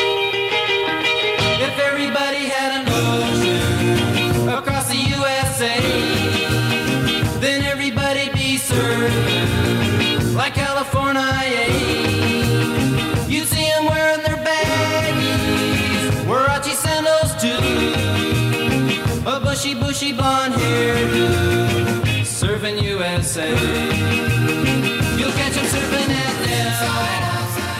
Ja, dat wordt geen rechtszaak, maar eh, het is wel zo'n duidelijk rip. Of dat zeer de vraag is dat Chuck Berry echt naar het management gaat. Zegt van jongens, eh, ze zou het niet redelijk zijn om mij hier een percentage van te geven.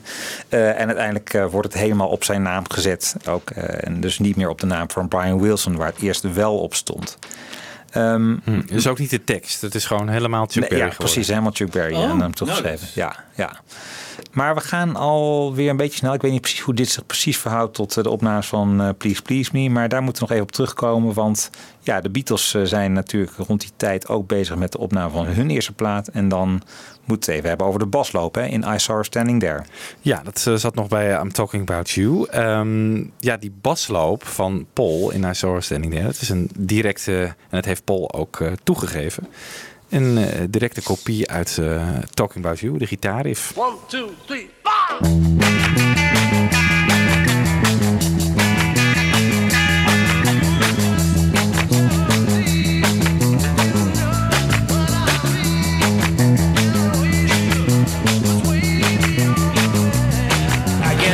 up every time we meet. I'm talking about you. Nobody but you. Yeah, I do mean you. I'm just trying to get a message to you. Ja. Dit zit er echt ja. één op één. Het past perfect. Ja, goed geluisterd, Paul. Ja, dus dat is de doorbraak, althans de doorbraak, ja, dat zou, zou je toch wel kunnen zeggen. In ieder geval heel belangrijk voor, voor eh, Chuck Berry om ook in, eh, in Engeland eh, ehm, ja, naar het grote publiek door te breken. Ook vanaf dat moment gaat Chess Records echt zijn best doen om de plaat van Chuck Berry daar ook op de Engelse markt te brengen. En ehm, ja, hij scoort ook weer hits met, met nieuw materiaal. En ja, ik zei het al, een van zijn allermooiste singles vind ik zelf het nummer Nadine. Ook weer een kleine verwijzing naar Maybelline zit daarin. Maar ehm, er zitten ook wat blazers in en dat maakt het toch wel heel bijzonder. Want vaak zijn die nummers eh, zo is vrij, vrij kaal. Hè? Vaak, Uit de jaren 50, Ja, ja. ja, het is gewoon echt gitaar en lekker, lekker pianootje en uh, ding Maar hier zit een heerlijke blaaspartij in. En eh, we luisteren even naar eh, wat Roy... Ik vond een mooie quote van Roy Orbison en Bruce Springsteen... wat ze daarover te zeggen hebben. Daar een klein stukje Nadine. He's the first songwriter singer that I know of. There were others, but uh, not with that much rhythm and that much uh, uh, the way the lyrics rolled off the tongue, the way they were stabbed, the way they they cut, and the way they they sort of seemed to lay there with the drums. All the lyric, it's just. Uh, uh, a free-form expression, and he did the same thing with the guitar that he did with his voice and with his writing. You couldn't find an earlier example of a singer-songwriter, guitarist. I saw her on the corner. She turned and doubled back, started walking to a coffee colored Cadillac. You know, it's like I've never seen a coffee colored Cadillac, but I know exactly what one looks like.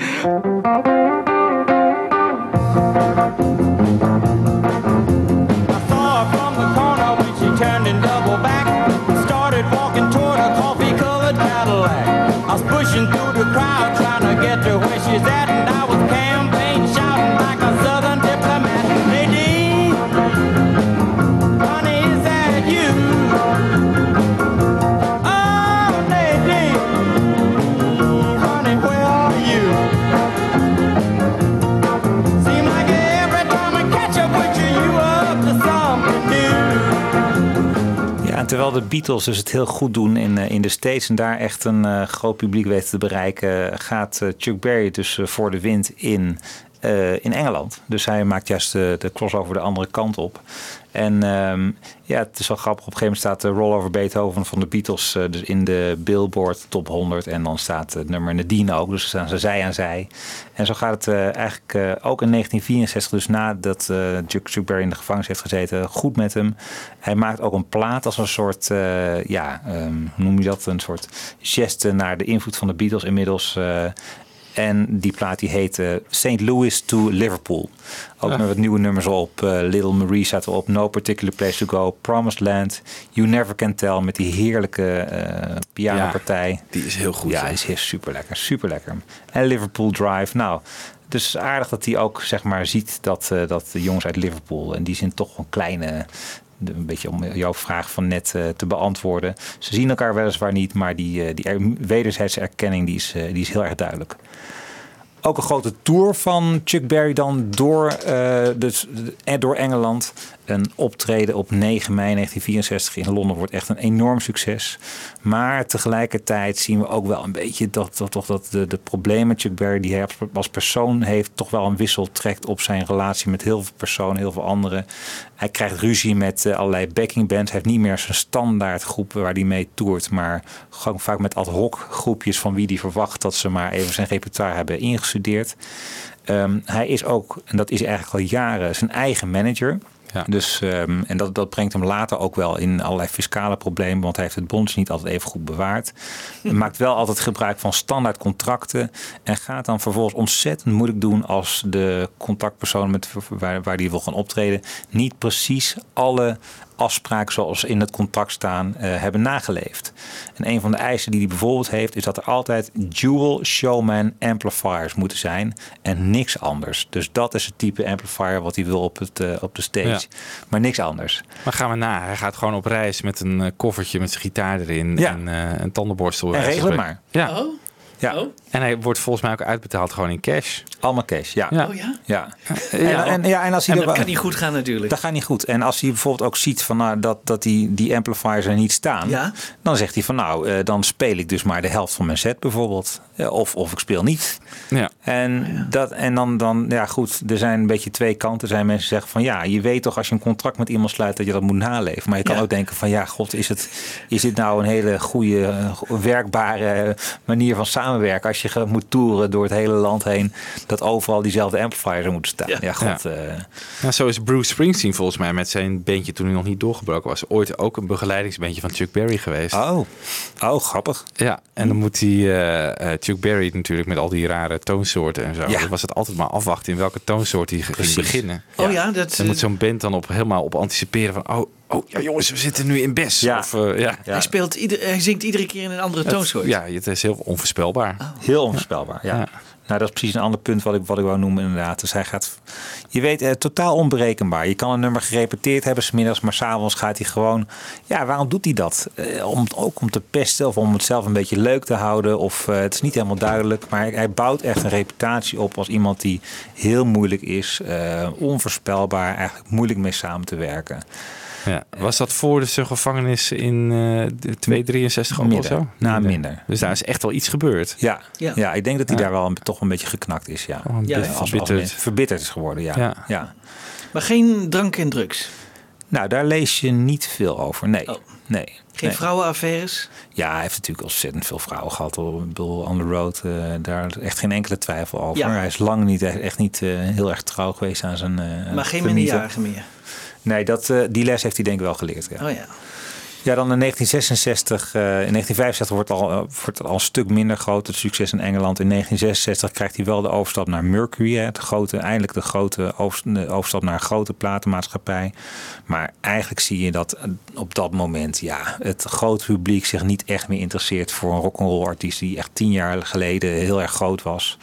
En eh, nou, er volgen nog wel echt goede platen hoor. Ook eh, mooie live platen. Met een deel van de Steve Miller Band gaat hij eh, eh, opnames maken. Hij blijft even creatief. Ja, hij blijft creatief. Maar ik denk ook wel dat toch de formule die hij had, Is uitgewerkt. is uitgewerkt. Ja. Op een gegeven moment is het, is het gewoon is de koek echt op. Eh, Johnny Johnson die zegt al ergens in 1908 of 59 van ja, ik, ik na drie, vier, vijf jaar eh, van dezelfde akkoorden, dezelfde gepingel op de piano. Ja, op een gegeven moment, eh, je kan binnen die vorm die hij, binnen zijn muziek denk ik niet eindeloos variëren.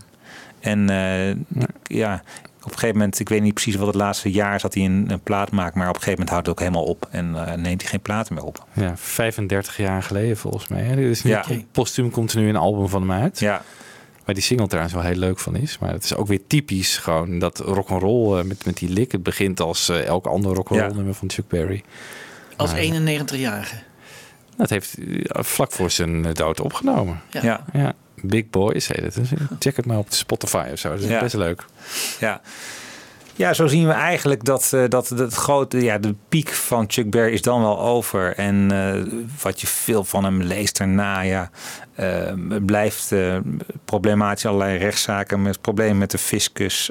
In de jaren tachtig krijgt hij nog een beruchte rechtszaak waarbij hij eh, mensen op dat, dat Berryland, dat, dat grote vakantiepark dat hij had, mensen op de wc zou hebben gefilmd. Dat is eigenlijk ook wel bewezen dat hij dat heeft gedaan.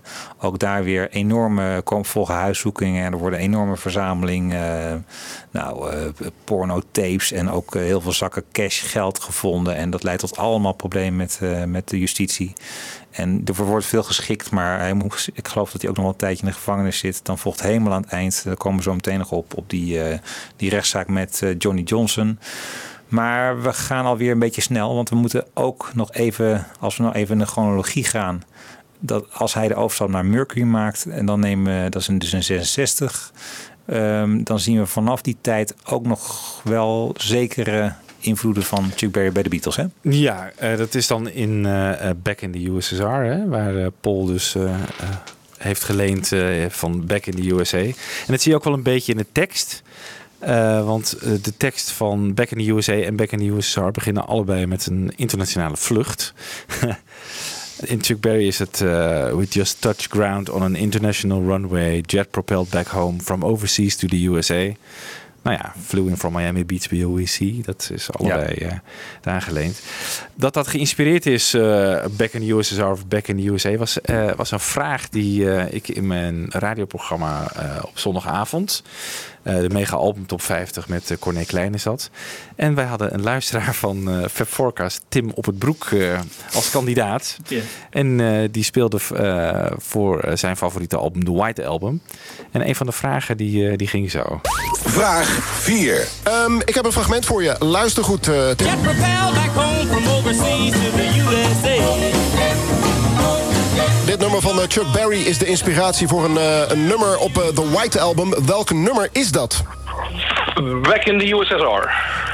Dat is helemaal goed. Eh, Het nummer van Chuck Berry heet Back in the USA.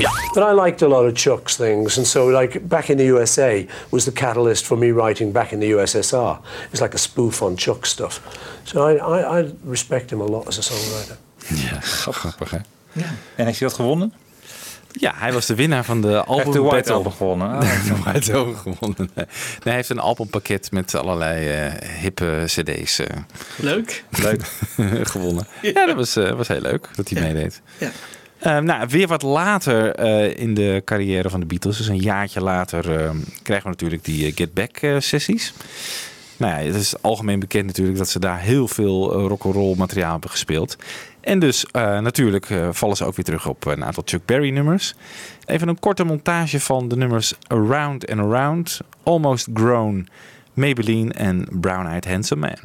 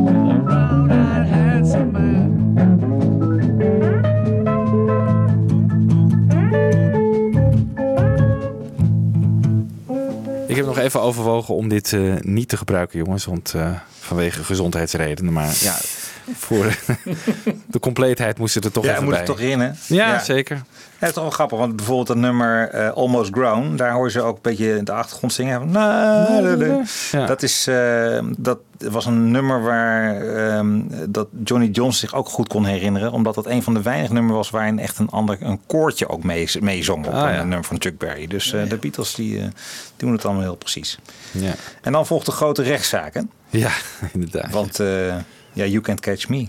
Daar gaat eh, John door de bocht, maar een beetje, Ja. beetje te letterlijk. Ja. Beetje te letterlijk, ja. Nou, ehm, het wordt in het volgende korte montage wordt het even ehm, uitgelegd. Eerst eh, krijgen we Paul eh, erover. Eh, dan hoor je ook even daartussendoor eh, het gedeelte uit You Here Come Old Flat Top. Uit Come Together en You Can't Catch Me. En John zegt er zelf ook nog even iets over. John came into the studio one day with this song, and he, he plays it. He plays it for me. He plays it for me. Of. He come on flat top. He got grooving up slowly. He got, and I go, what? We can't do that. I said, that's Chuck Berry. He said, you can't catch me. Yeah, come on flat top. He was moving up with me, then come waving goodbye in a little old. Anyway, so we changed it and it became Come Together. You know, it was Come Together. But um, it shows just the influence. You know, Here Come Old Flat Top. That was a lyric John could not let go of. And he couldn't better it, so he just used it.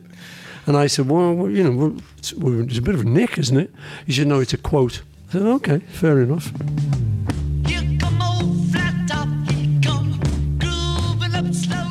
And and they're suing me be, because it's like you can't catch me, you know, for the first half a line or something. Because Chuck Berry's words went something like that, you know. But anyway, it's not him that's suing; it's his people. So you have to not put that in because they'll say, "Oh, well, there's he's admitted it," you know. And I think it's a compliment to Chuck Berry, not a fucking. I mean, we resurrected him.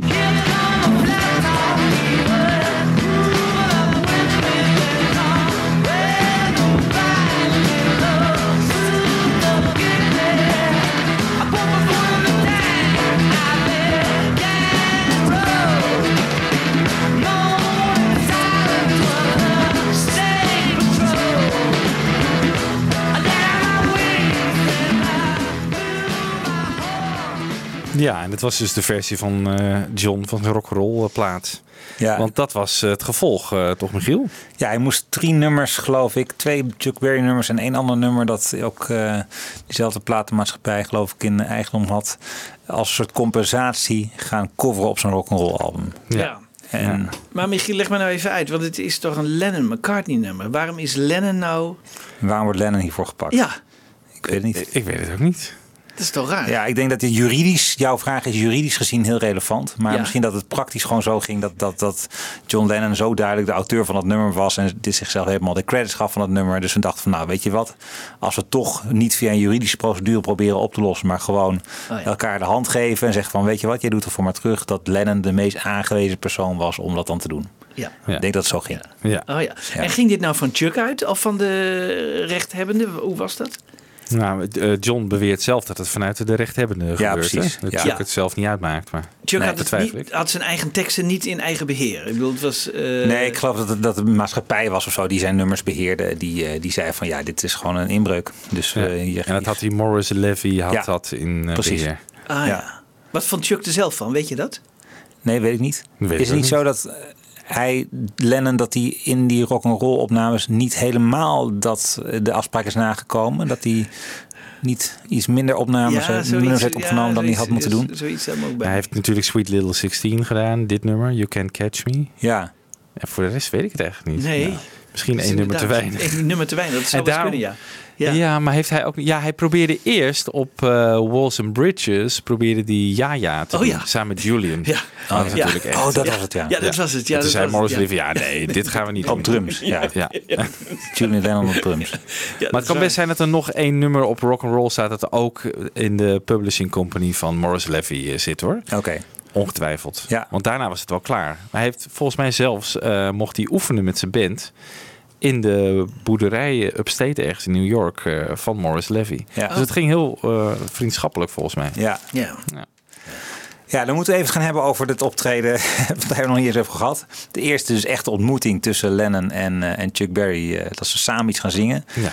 In 1972 in die Mike Douglas show. En ik vind het wel heel mooi om te zien hoe eh, ja, Lennon die, die smelt gewoon voor Chuck Berry. Die helemaal na afloop zegt hij echt... eh, hij is echt heel duidelijk, helemaal in zijn element... dat hij samen met hem eh, wat nummers gaat zingen. Maar het is toch ook wel opmerkelijk en een beetje tenenkrommend om het dan te bekijken. Is het ook jouw ervaring? Omdat Joko erbij Ja. zit. Nee, het is toch echt, het is echt heel erg. Ja. Het is echt heel erg. Maar waarom schrijft Lennon die intro op de autocue en leest dat voor? Dat vind ik Ja, ook, ja, dat is opvallend. dat is opvallend. Ja, het wordt overal, ook na de dood van Chuck, aangehaald. Hè, als, Als een eh, Lennon-quote. Ja, maar hij leest het duidelijk van de autocue Ja, op. het is Ja. volgens mij niet zijn tekst. Nee, nee. Nee. nee. Nee, dat denk ik niet. Ik denk niet dat het zijn tekst is. Oh, dat dat het is. Ja, en volgens mij zegt Lennon ook zoiets van... ja, daar ben ik het graag mee eens of zo. Dus eh, Ja. dat, eh, nee, het is Oh. niet... eh, het is een hele mooie quote. Ja. Maar ik geloof niet dat het Lennon zelf is. Nee, want hij zegt ook van... You might as well call it Chuck Berry right. Ja. Zegt hij dan. Oh, ja, ja. En, en daarna komt er Ja. nog een heel... eh, Ja. He influenced the generation, eh, bla bla bla. Ja. Maar waarom doet hij dat dan? Waarom leest hij een andermans tekst voor? Nou, dat zegt die, die presentator. Die zegt van, wil jij het misschien overnemen? Dus zo gaat het meer. Dus Ja. eh, oh, ja. oh, op die manier. Ah, het is een improvisatie ja, eigenlijk. weet je wel. Heel los. Ja, ja. Oh, nu begrijp ik het. Ja. Maar goed, het is, eh, ik vind het echt opvallend. Eh, Joko die, eh, die echt gewoon lekker pontificaal op, op de bongo's gaat slaan. En af en toe even meent... eh, eh, Ja. Ja. Ja, oh, ik, vind ook, ze neemt nog best wel een risico met iemand als Chuck Berry. Dat hij gewoon, dat bedoelde, ja, gelet op zijn reputatie, had het me helemaal niet verbaasd als hij had gezegd van, eh, kappen, kap hiermee, hier ga ik niet mee verder. staat niet in het Ja, contract. Staat niet in het contract dit. Nee, Niet ongevraagd. dat zat niet in het contract. Ja, Ja, maar zo gaat het niet. En eh, er zijn twee nummers die ze volgens mij zo Johnny Broers. Ja, die hadden we aan het begin hadden we daar een fragment van. En we gaan nu een heel eh, nummer draaien, inclusief Joko. Memphis, Tennessee. Maar wie is meer onder de indruk? Chuck van John of John van Chuck? John van Chuck, denk ik. Ja. Ja, denk ik Ja. Ja, hè? Ja. Dat denk ik wel. Ja. Ja, hè? Maar Chuck vindt het ook wel leuk. Tenminste, als je die beelden ziet, die moet ook wel eh, glimlachen. En eh, die vindt het volgens mij ook wel mooi. Ja. Nou goed, Memphis, Tennessee.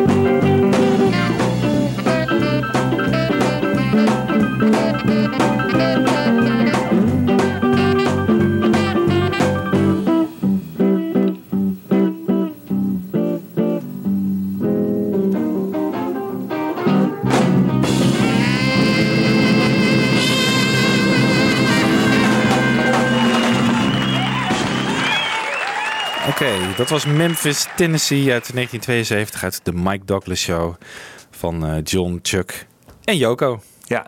Heel fijn. George en Chuck, die hebben ook, eh, tenminste George eh, heeft natuurlijk altijd wel gesproken over zijn adoratie voor Chuck Berry. Dat begint eigenlijk in zijn solo carrière meteen al op die eerste plaat, All Things Must Pass. Daar zit zo'n zo'n plaat bij, dat is zo'n Apple Jam. Hè? Ja. En die begint geloof ik met Thanks for the Pepperoni.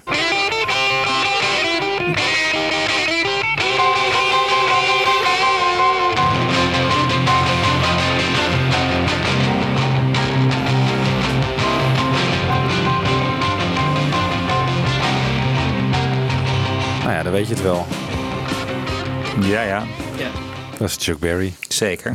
Mooie ode. En hij was in 1988, denk ik, ehm, eh, was Ivonie bij hem op bezoek in Friar Park.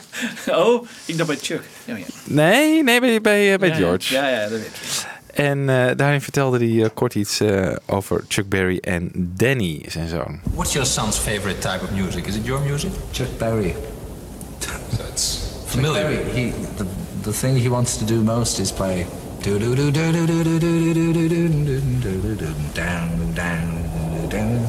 Chuck Berry. Ja, grappig hè? Ja. Die Danny Harrison is dus gewoon, uh, als hij een jaar of elf is, 10, 11. Helemaal weg van Chuck Berry. en rond die tijd in 87 uh, eh, gaat... Maar komt eh, dat niet door de... Door, uh, hoe heet die film ook alweer? Back to the Future. Want dat is daar zit natuurlijk. eh, Johnny B. Good natuurlijk Ja, ook in. ook Ja, een ja. beetje die tijd, maar goed. Het schijnt een Teen Wolf eh, te Oh, ja. zijn. Want daar hoort hij Surfing USA van, eh, van de Beach Boys hoort hij daarin. Oh ja. En ehm, George die ziet dat natuurlijk en zegt van ja, maar weet je waar dat vandaan komt? En toen heeft hij Chuck Berry laten horen. En eh, heeft hem daarna ook mixtapes van Chuck Berry gemaakt voor zijn zoontje. Die hij dan meenam op zijn Walkman naar school. Ja, mooi is dat. En rond die tijd in 87 heeft George dus ook dat ehm, Princess Trust eh, concert gedaan. En speelt hij eh, eh, Here Comes the Sun en While My Guitar. Oh ja. En dan schijnt Danny na afloop ook naar hem toe gegaan en zei van... Nou, dat was, was een leuk paar, maar waarom heb je niet Roll Over Beethoven en Johnny B. Good en Rock'n'Roll Music gespeeld? Wat is dit? Eh, nou, dat is wat ik kon vinden van George eh, en Chuck. Nou ja, we hebben al eh, dat 1986 liefdadigheidsconcert gehad... eh, waar die Roll, eh, Johnny B. Good speelt. Ja. Dan is het volgende wat ik hier op het lijstje zie staan, Michiel... dat is weer een dingetje van ja, jou. wel Eh, Keith Richards, ja. ja. Ja, nee, want dat is. eh, We hadden het al over de samenwerking tussen Johnny Johnson en, eh, en Chuck Berry. En de vraag dan van wie, wie heeft nou precies eh, die nummers geschreven, zeg maar. En we zeiden al een beetje van, nou, waarschijnlijk gewoon een mooie samenwerking in de studio. Maar eh, natuurlijk komt in 19, is het 87, komt die film heel, heel rock'n'roll uit. Hè? Natuurlijk echt eh, de rock'n'roll film eh aller tijden, zou je kunnen zeggen. Het is echt een eh, genot om naar te kijken. Ja. Trouwens ook weer echt enorm eh, moeilijk tot standkomingsproces. Want eh, het is echt, eh, hij is enorm eigengereid. Eh, hij, nou bijvoorbeeld zit er een fragment in die film dat hij, eh, is het Back in the USA dat Linda Ronstadt zingt het. En dat, dat op als je kijkt naar de clip, denk je van die hebben het enorm met elkaar naar de zin. Maar ook daar zit Chuck Berry gewoon weer onafgesproken in een andere toonsoort. Zet hij het nummer aan. En eh, nou, ze weten heel goed improviseren. En ze maakt er, ze doet het als, als het heel leuk is. Maar het schijnt dat ze daarna eh, stampend van woede naar haar limousine is gelopen. En heeft gezegd: Ik ga nooit meer, wil nooit meer met deze man te maken hebben. Zij heeft die nummer Back in the USA heel eh, grote hit mee gehad in 78. Maar eh, dus dat was de reden dat ze haar vroegen. Maar ze had het echt totaal gehad met de samenwerking met, eh, met Chuck. Ja. Dus, ehm, Ja, het is een prachtige documentaire Ja. inderdaad. Ook dat Chuck op een gegeven moment ook... hebben ze met hem afgesproken om te filmen ergens. En dan komt hij gewoon niet opdagen. En dan, waar, waar is die man? Nou, in die tijd had je nog geen mobiele telefoons. Dus niemand wist waar die was. En op een gegeven moment kregen ze dan een berichtje door van... ja, je moet dan en dan bij die telefooncel eh, staan. Want dan gaat de telefoon dan over. En eh, nou, dat was dat Chuck. En die zei van... eh, ik kom alleen als je me sowieso eh veel geld betaalt. Terwijl het gewoon een film over hem is, weet je. Omdat hij Ja. 60 jaar wordt. Ja. En op een gegeven moment is hij ook ergens weer... dan is hij met zijn met zijn gitaarkoffertje... kan hij ergens een optreden doen voor iets meer geld... dan dat hij voor die film op dat moment krijgt. En dan, staat is hij gewoon weg. Ja. Ja, Ja, ja mensen, men zegt, af- probeert achteraf te verklaren van waarom doet hij nou zo. En toen was toch wel de gedachte van ja, hij had Kijk, hij dacht van er komt een film over mij, maar hij had niet gedacht dat er tientallen mensen zijn, eh, ja, in, zijn, in zijn privésfeer zouden komen. En eh, dat hij helemaal het centrum van de belangstelling zou zijn. Daar is hij helemaal niet, toch, toch weer niet gewend aan, eh, zeg maar, door al die jaren dat hij, eh, dat hij er toch een beetje zelf alleen voor stond. En eh, eh, hij, hij leidde in die zin ook heel lang had een beetje een teruggetrokken leven op zijn eigen, zijn eigen, in zijn eigen huis. En nou, hij vond het een enorme inbreuk op zijn privacy. En eh, nou, dan, dan gaat hij gewoon, eh, dan maakt hij hele rare sprongen. Dan gaat hij Ja. rare dingen doen. Gaat die Keith Ja. Richards vertellen hoe hij een lik moet eh, ja, spelen? nou, dat is ook natuurlijk een heel, eh, heel bekend fragment. Ja. Maar nu komt even een stukje Keith Richards waarin ehm, dat eigenlijk aan de eh, eh, ja, ten grondslag heeft gelegen aan die rechtszaak tussen Johnny Johnson en Chuck Berry. Want hier zegt eh, Keith Richards eigenlijk met zoveel woorden van ja, zonder die prachtige pianopartijen zouden die nummers er niet zijn. En niet eens dat hij zeg maar als sideman heel invloedrijk was, maar ook gewoon de hele, wat, wat we al zeiden, de, de toonsoort waarin die nummers geschreven zijn, dat zijn gewoon pianotoonsoorten, niet gitaartoonsoorten. En dan is er een hele gehaaide advocaat die zegt van, nou, die heeft een enorme hekel aan Chuck Berry en die probeert het enorm op te nemen voor Johnny Johnson. En zegt van, ik ga je gewoon een, eh, ja, een, een, een zaak van maken. Ik vind dat jij gewoon ook rechthebbend bent op een deel van de, van de royalties van die nummers.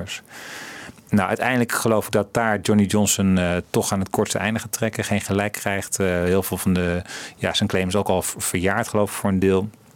En voor een ander deel gewoon moeilijk te bewijzen. Ja, voor een paar, ik geloof voor een drietal nummers wordt het dan wel aangenomen. Maar het doet de verhouding met die Johnny Johnson natuurlijk uiteindelijk niet echt goed. Maar laten we even luisteren naar, eh, naar wat Keith Richards daarover te zeggen heeft. And he's not doing a Chuck Berry song. I know the way he's his riff. Chuck adapted it guitar. I know that too because of the key it's in. It's in piano. It's in Johnny's keys. It's in piano keys. If it was a guitar, I mean, this is you know guitar rock and roll. You, know, you play an A, an E, and D because you've got open strings. I mean, this is maybe a little technical, but for a that, if it's a guitar band, you play in those keys because it's the guitar keys. On top of everything else, we've been playing in piano keys, you know, horn keys, jazz keys, Johnny Johnson's keys. Yeah. And I, I mean, the minute that he does school days, da, da, da, he ain't copying Chuck's riffs on piano. Chuck adapted them to guitar and put those great lyrics behind them. But without somebody to give him them riffs, voila, no song. Ja, wat eigenlijk dus bedoeld is als een soort ja, eh, een manier om die Johnny Johnson plek te geven, wordt eigenlijk een hele nare rechtszaak tussen die twee. Ja. Ja, ja. zo zie je maar. Ehm, dat loopt dus uiteindelijk voor Chuck Berry eh, ook weer niet zo slecht af. Maar goed, het is wel de zoveelste rechtszaak. Naast alle fiscale problemen, naast die problemen met die, de filmen van die, eh, van die toiletscènes. En het, allemaal, het is niet echt iemand die, die nou heel erg gunstig in het nieuws is altijd. Maar goed, laten we nog even afsluiten met een blokje Paul. Paul die heeft na de dood van Chuck Berry op eh, BBC Radio eh, 6 heeft hij eh, kort wat gezegd over Chuck Berry. I have to ask you about Chuck Berry. Hmm. Obviously, a massive musical hero. Yeah. Was. What was he like? Did you work with him much? What did he mean to you? I I didn't work with Chuck. I um, met him. He came to one of our concerts when we were playing in St. Louis, which is his hometown, and he came round backstage. So it was great to meet him and just be able to tell him what a fan I was.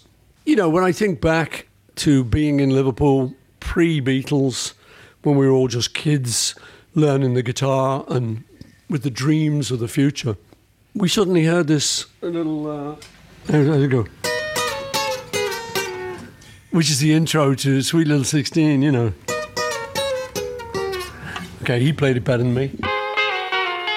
They're really rocking in Boston and Pittsburgh, PA, deep in the heart of Texas and round the Frisco Bay. It was like so thrilling, you know, and then it goes into this song, Sweet Little 16. We'd never heard anything like that. And then when Johnny B. Good came along and all of his fantastic songs, Maybelline and all these songs about cars, about teenagers, rock and roll music, were just so thrilling. You know, it was a world we didn't really know existed because, in actual fact, in Britain it didn't. This was new coming in. You can't imagine a time when ye oldie rock and roll was brand new. But it was, there it was coming at us. And So you can imagine what the thrill it was when you'd never heard anything like that. Yeah, he was a huge influence on us, and we copied a lot from his guitar style. He was just a huge influence, and I always saw him as a poet. You know, his, his, his lyrics to me are like American poetry. They just they, they capture that sort of high school sort of stuff and that rock and roll and the cars and you know just just it's just fantastic. And say you know it continued to influence us for years and years and years. Ja, hij had ook nog wel een heel mooi statement na de dood van Chuck hè, op zijn website. Waarin hij Chuck helemaal de hemel in prijst. En, eh, Ja, en hij had die dag geloof ik met een zekere Dave gewerkt. En hij had Vera Lynn eh, gefeliciteerd met de honderdste verjaardag. Oh, en toen zei hij, dit was de dag van Vera, Chuck en Dave. Ja, Ja. heel mooi. hè? Ja. grappig. En waar Paul het dus over had, hè, die ontmoeting eh, in, eh, in St. Louis met Chuck, dat was in 93. In het Bush Stadium tijdens de, de um, New World Tour. En eh, nou, Chuck en eh, zijn vriend, eh, hoe heet hij, Joe Edwards, die waren backstage bij Paul. En eh, ze hebben zelfs nog met de, de McCartney-familie gegeten. En toen zijn ze naar het concert gaan kijken. En toen kregen ze dus Chuck en die vriend van hem ontzettende honger. Want ze hadden natuurlijk vegetarisch gegeten. Humus en dat soort zaken. Humus, ja, dus toen zijn ze het stadion uitgegaan en hebben ze lekker vlees eh, gehaald ergens. Om een honger, honger te stillen. Dat is wel grappig. Ehm, wat ik ook nog tegenkwam in mijn research is dat Paul ooit geprobeerd heeft om een soort Chuck Berry nummer te schrijven. Hè? Dat de tekst zo lekker van de tong rolt. En eh, dat was Get Out of My Way. En eh, hij vertelt er wat over. We like old rock and roll stuff. It's quite hard to write. And uh, if you listen to kind of Chuck Berry stuff, I mean, I think he's a genius in his work, you know, because it just rolls off the tongue. It sounds so uh, ordinary. It sounds like ordinary talk. Yet it's kind of American. It's it's the South. It's the black thing going, you know. So all those kids who were brought up in England, you really admire all that kind of stuff. So basically, you're always trying to write something a bit like that, just a rock and roll song. And uh, I just came up with this. It's a driving song. You know, I'm in a car. I'm heading to see my girl. So get out of my way.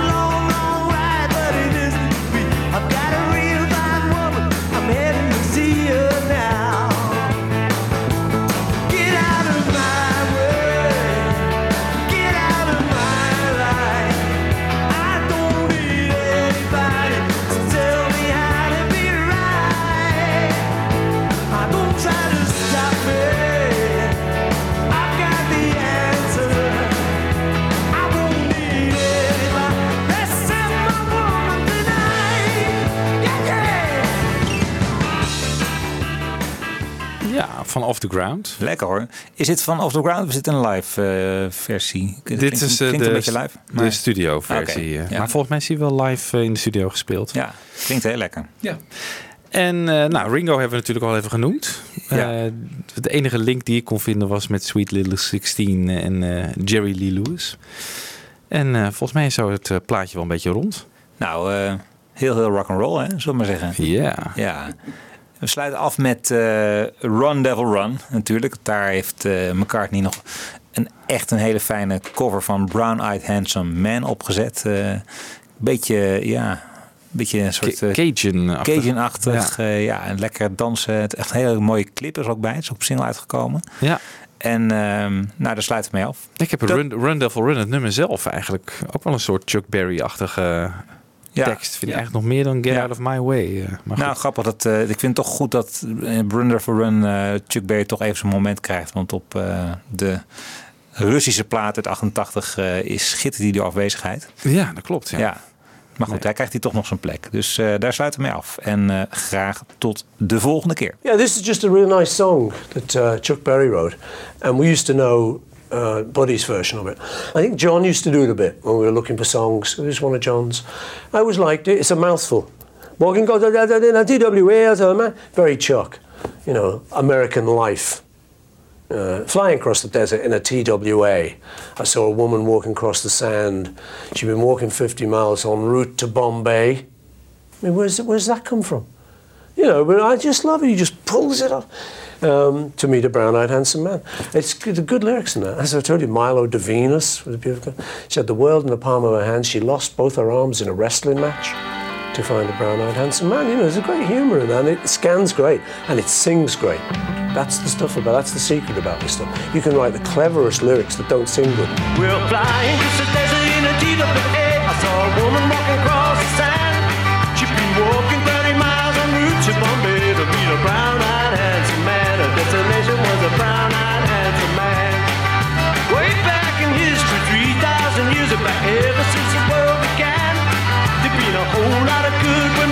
women shedding tears over a brown-eyed handsome man. A lot of trouble was a brown-eyed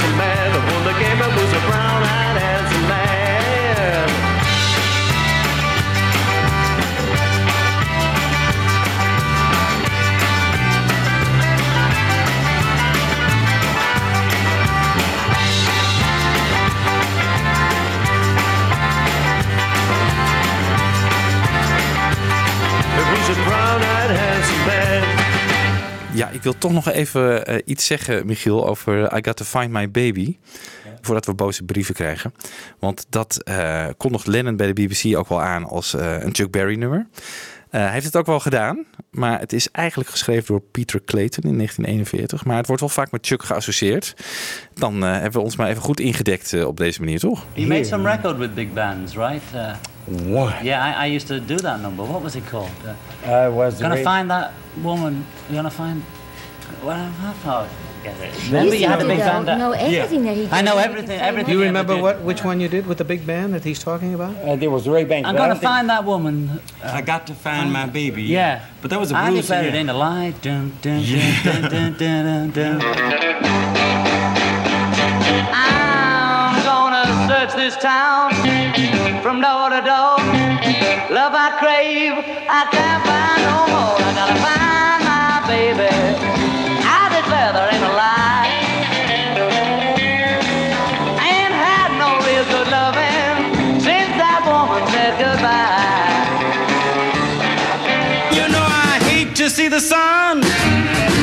The west. Cause I know my whole night will be in a solid mess. I ain't gotta find my baby I declare I wouldn't lie.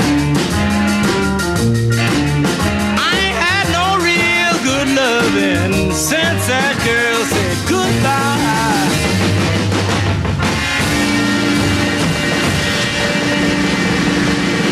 Fab Forecast. Luister ook naar Fab Forecast via beatlesfanclub.nl.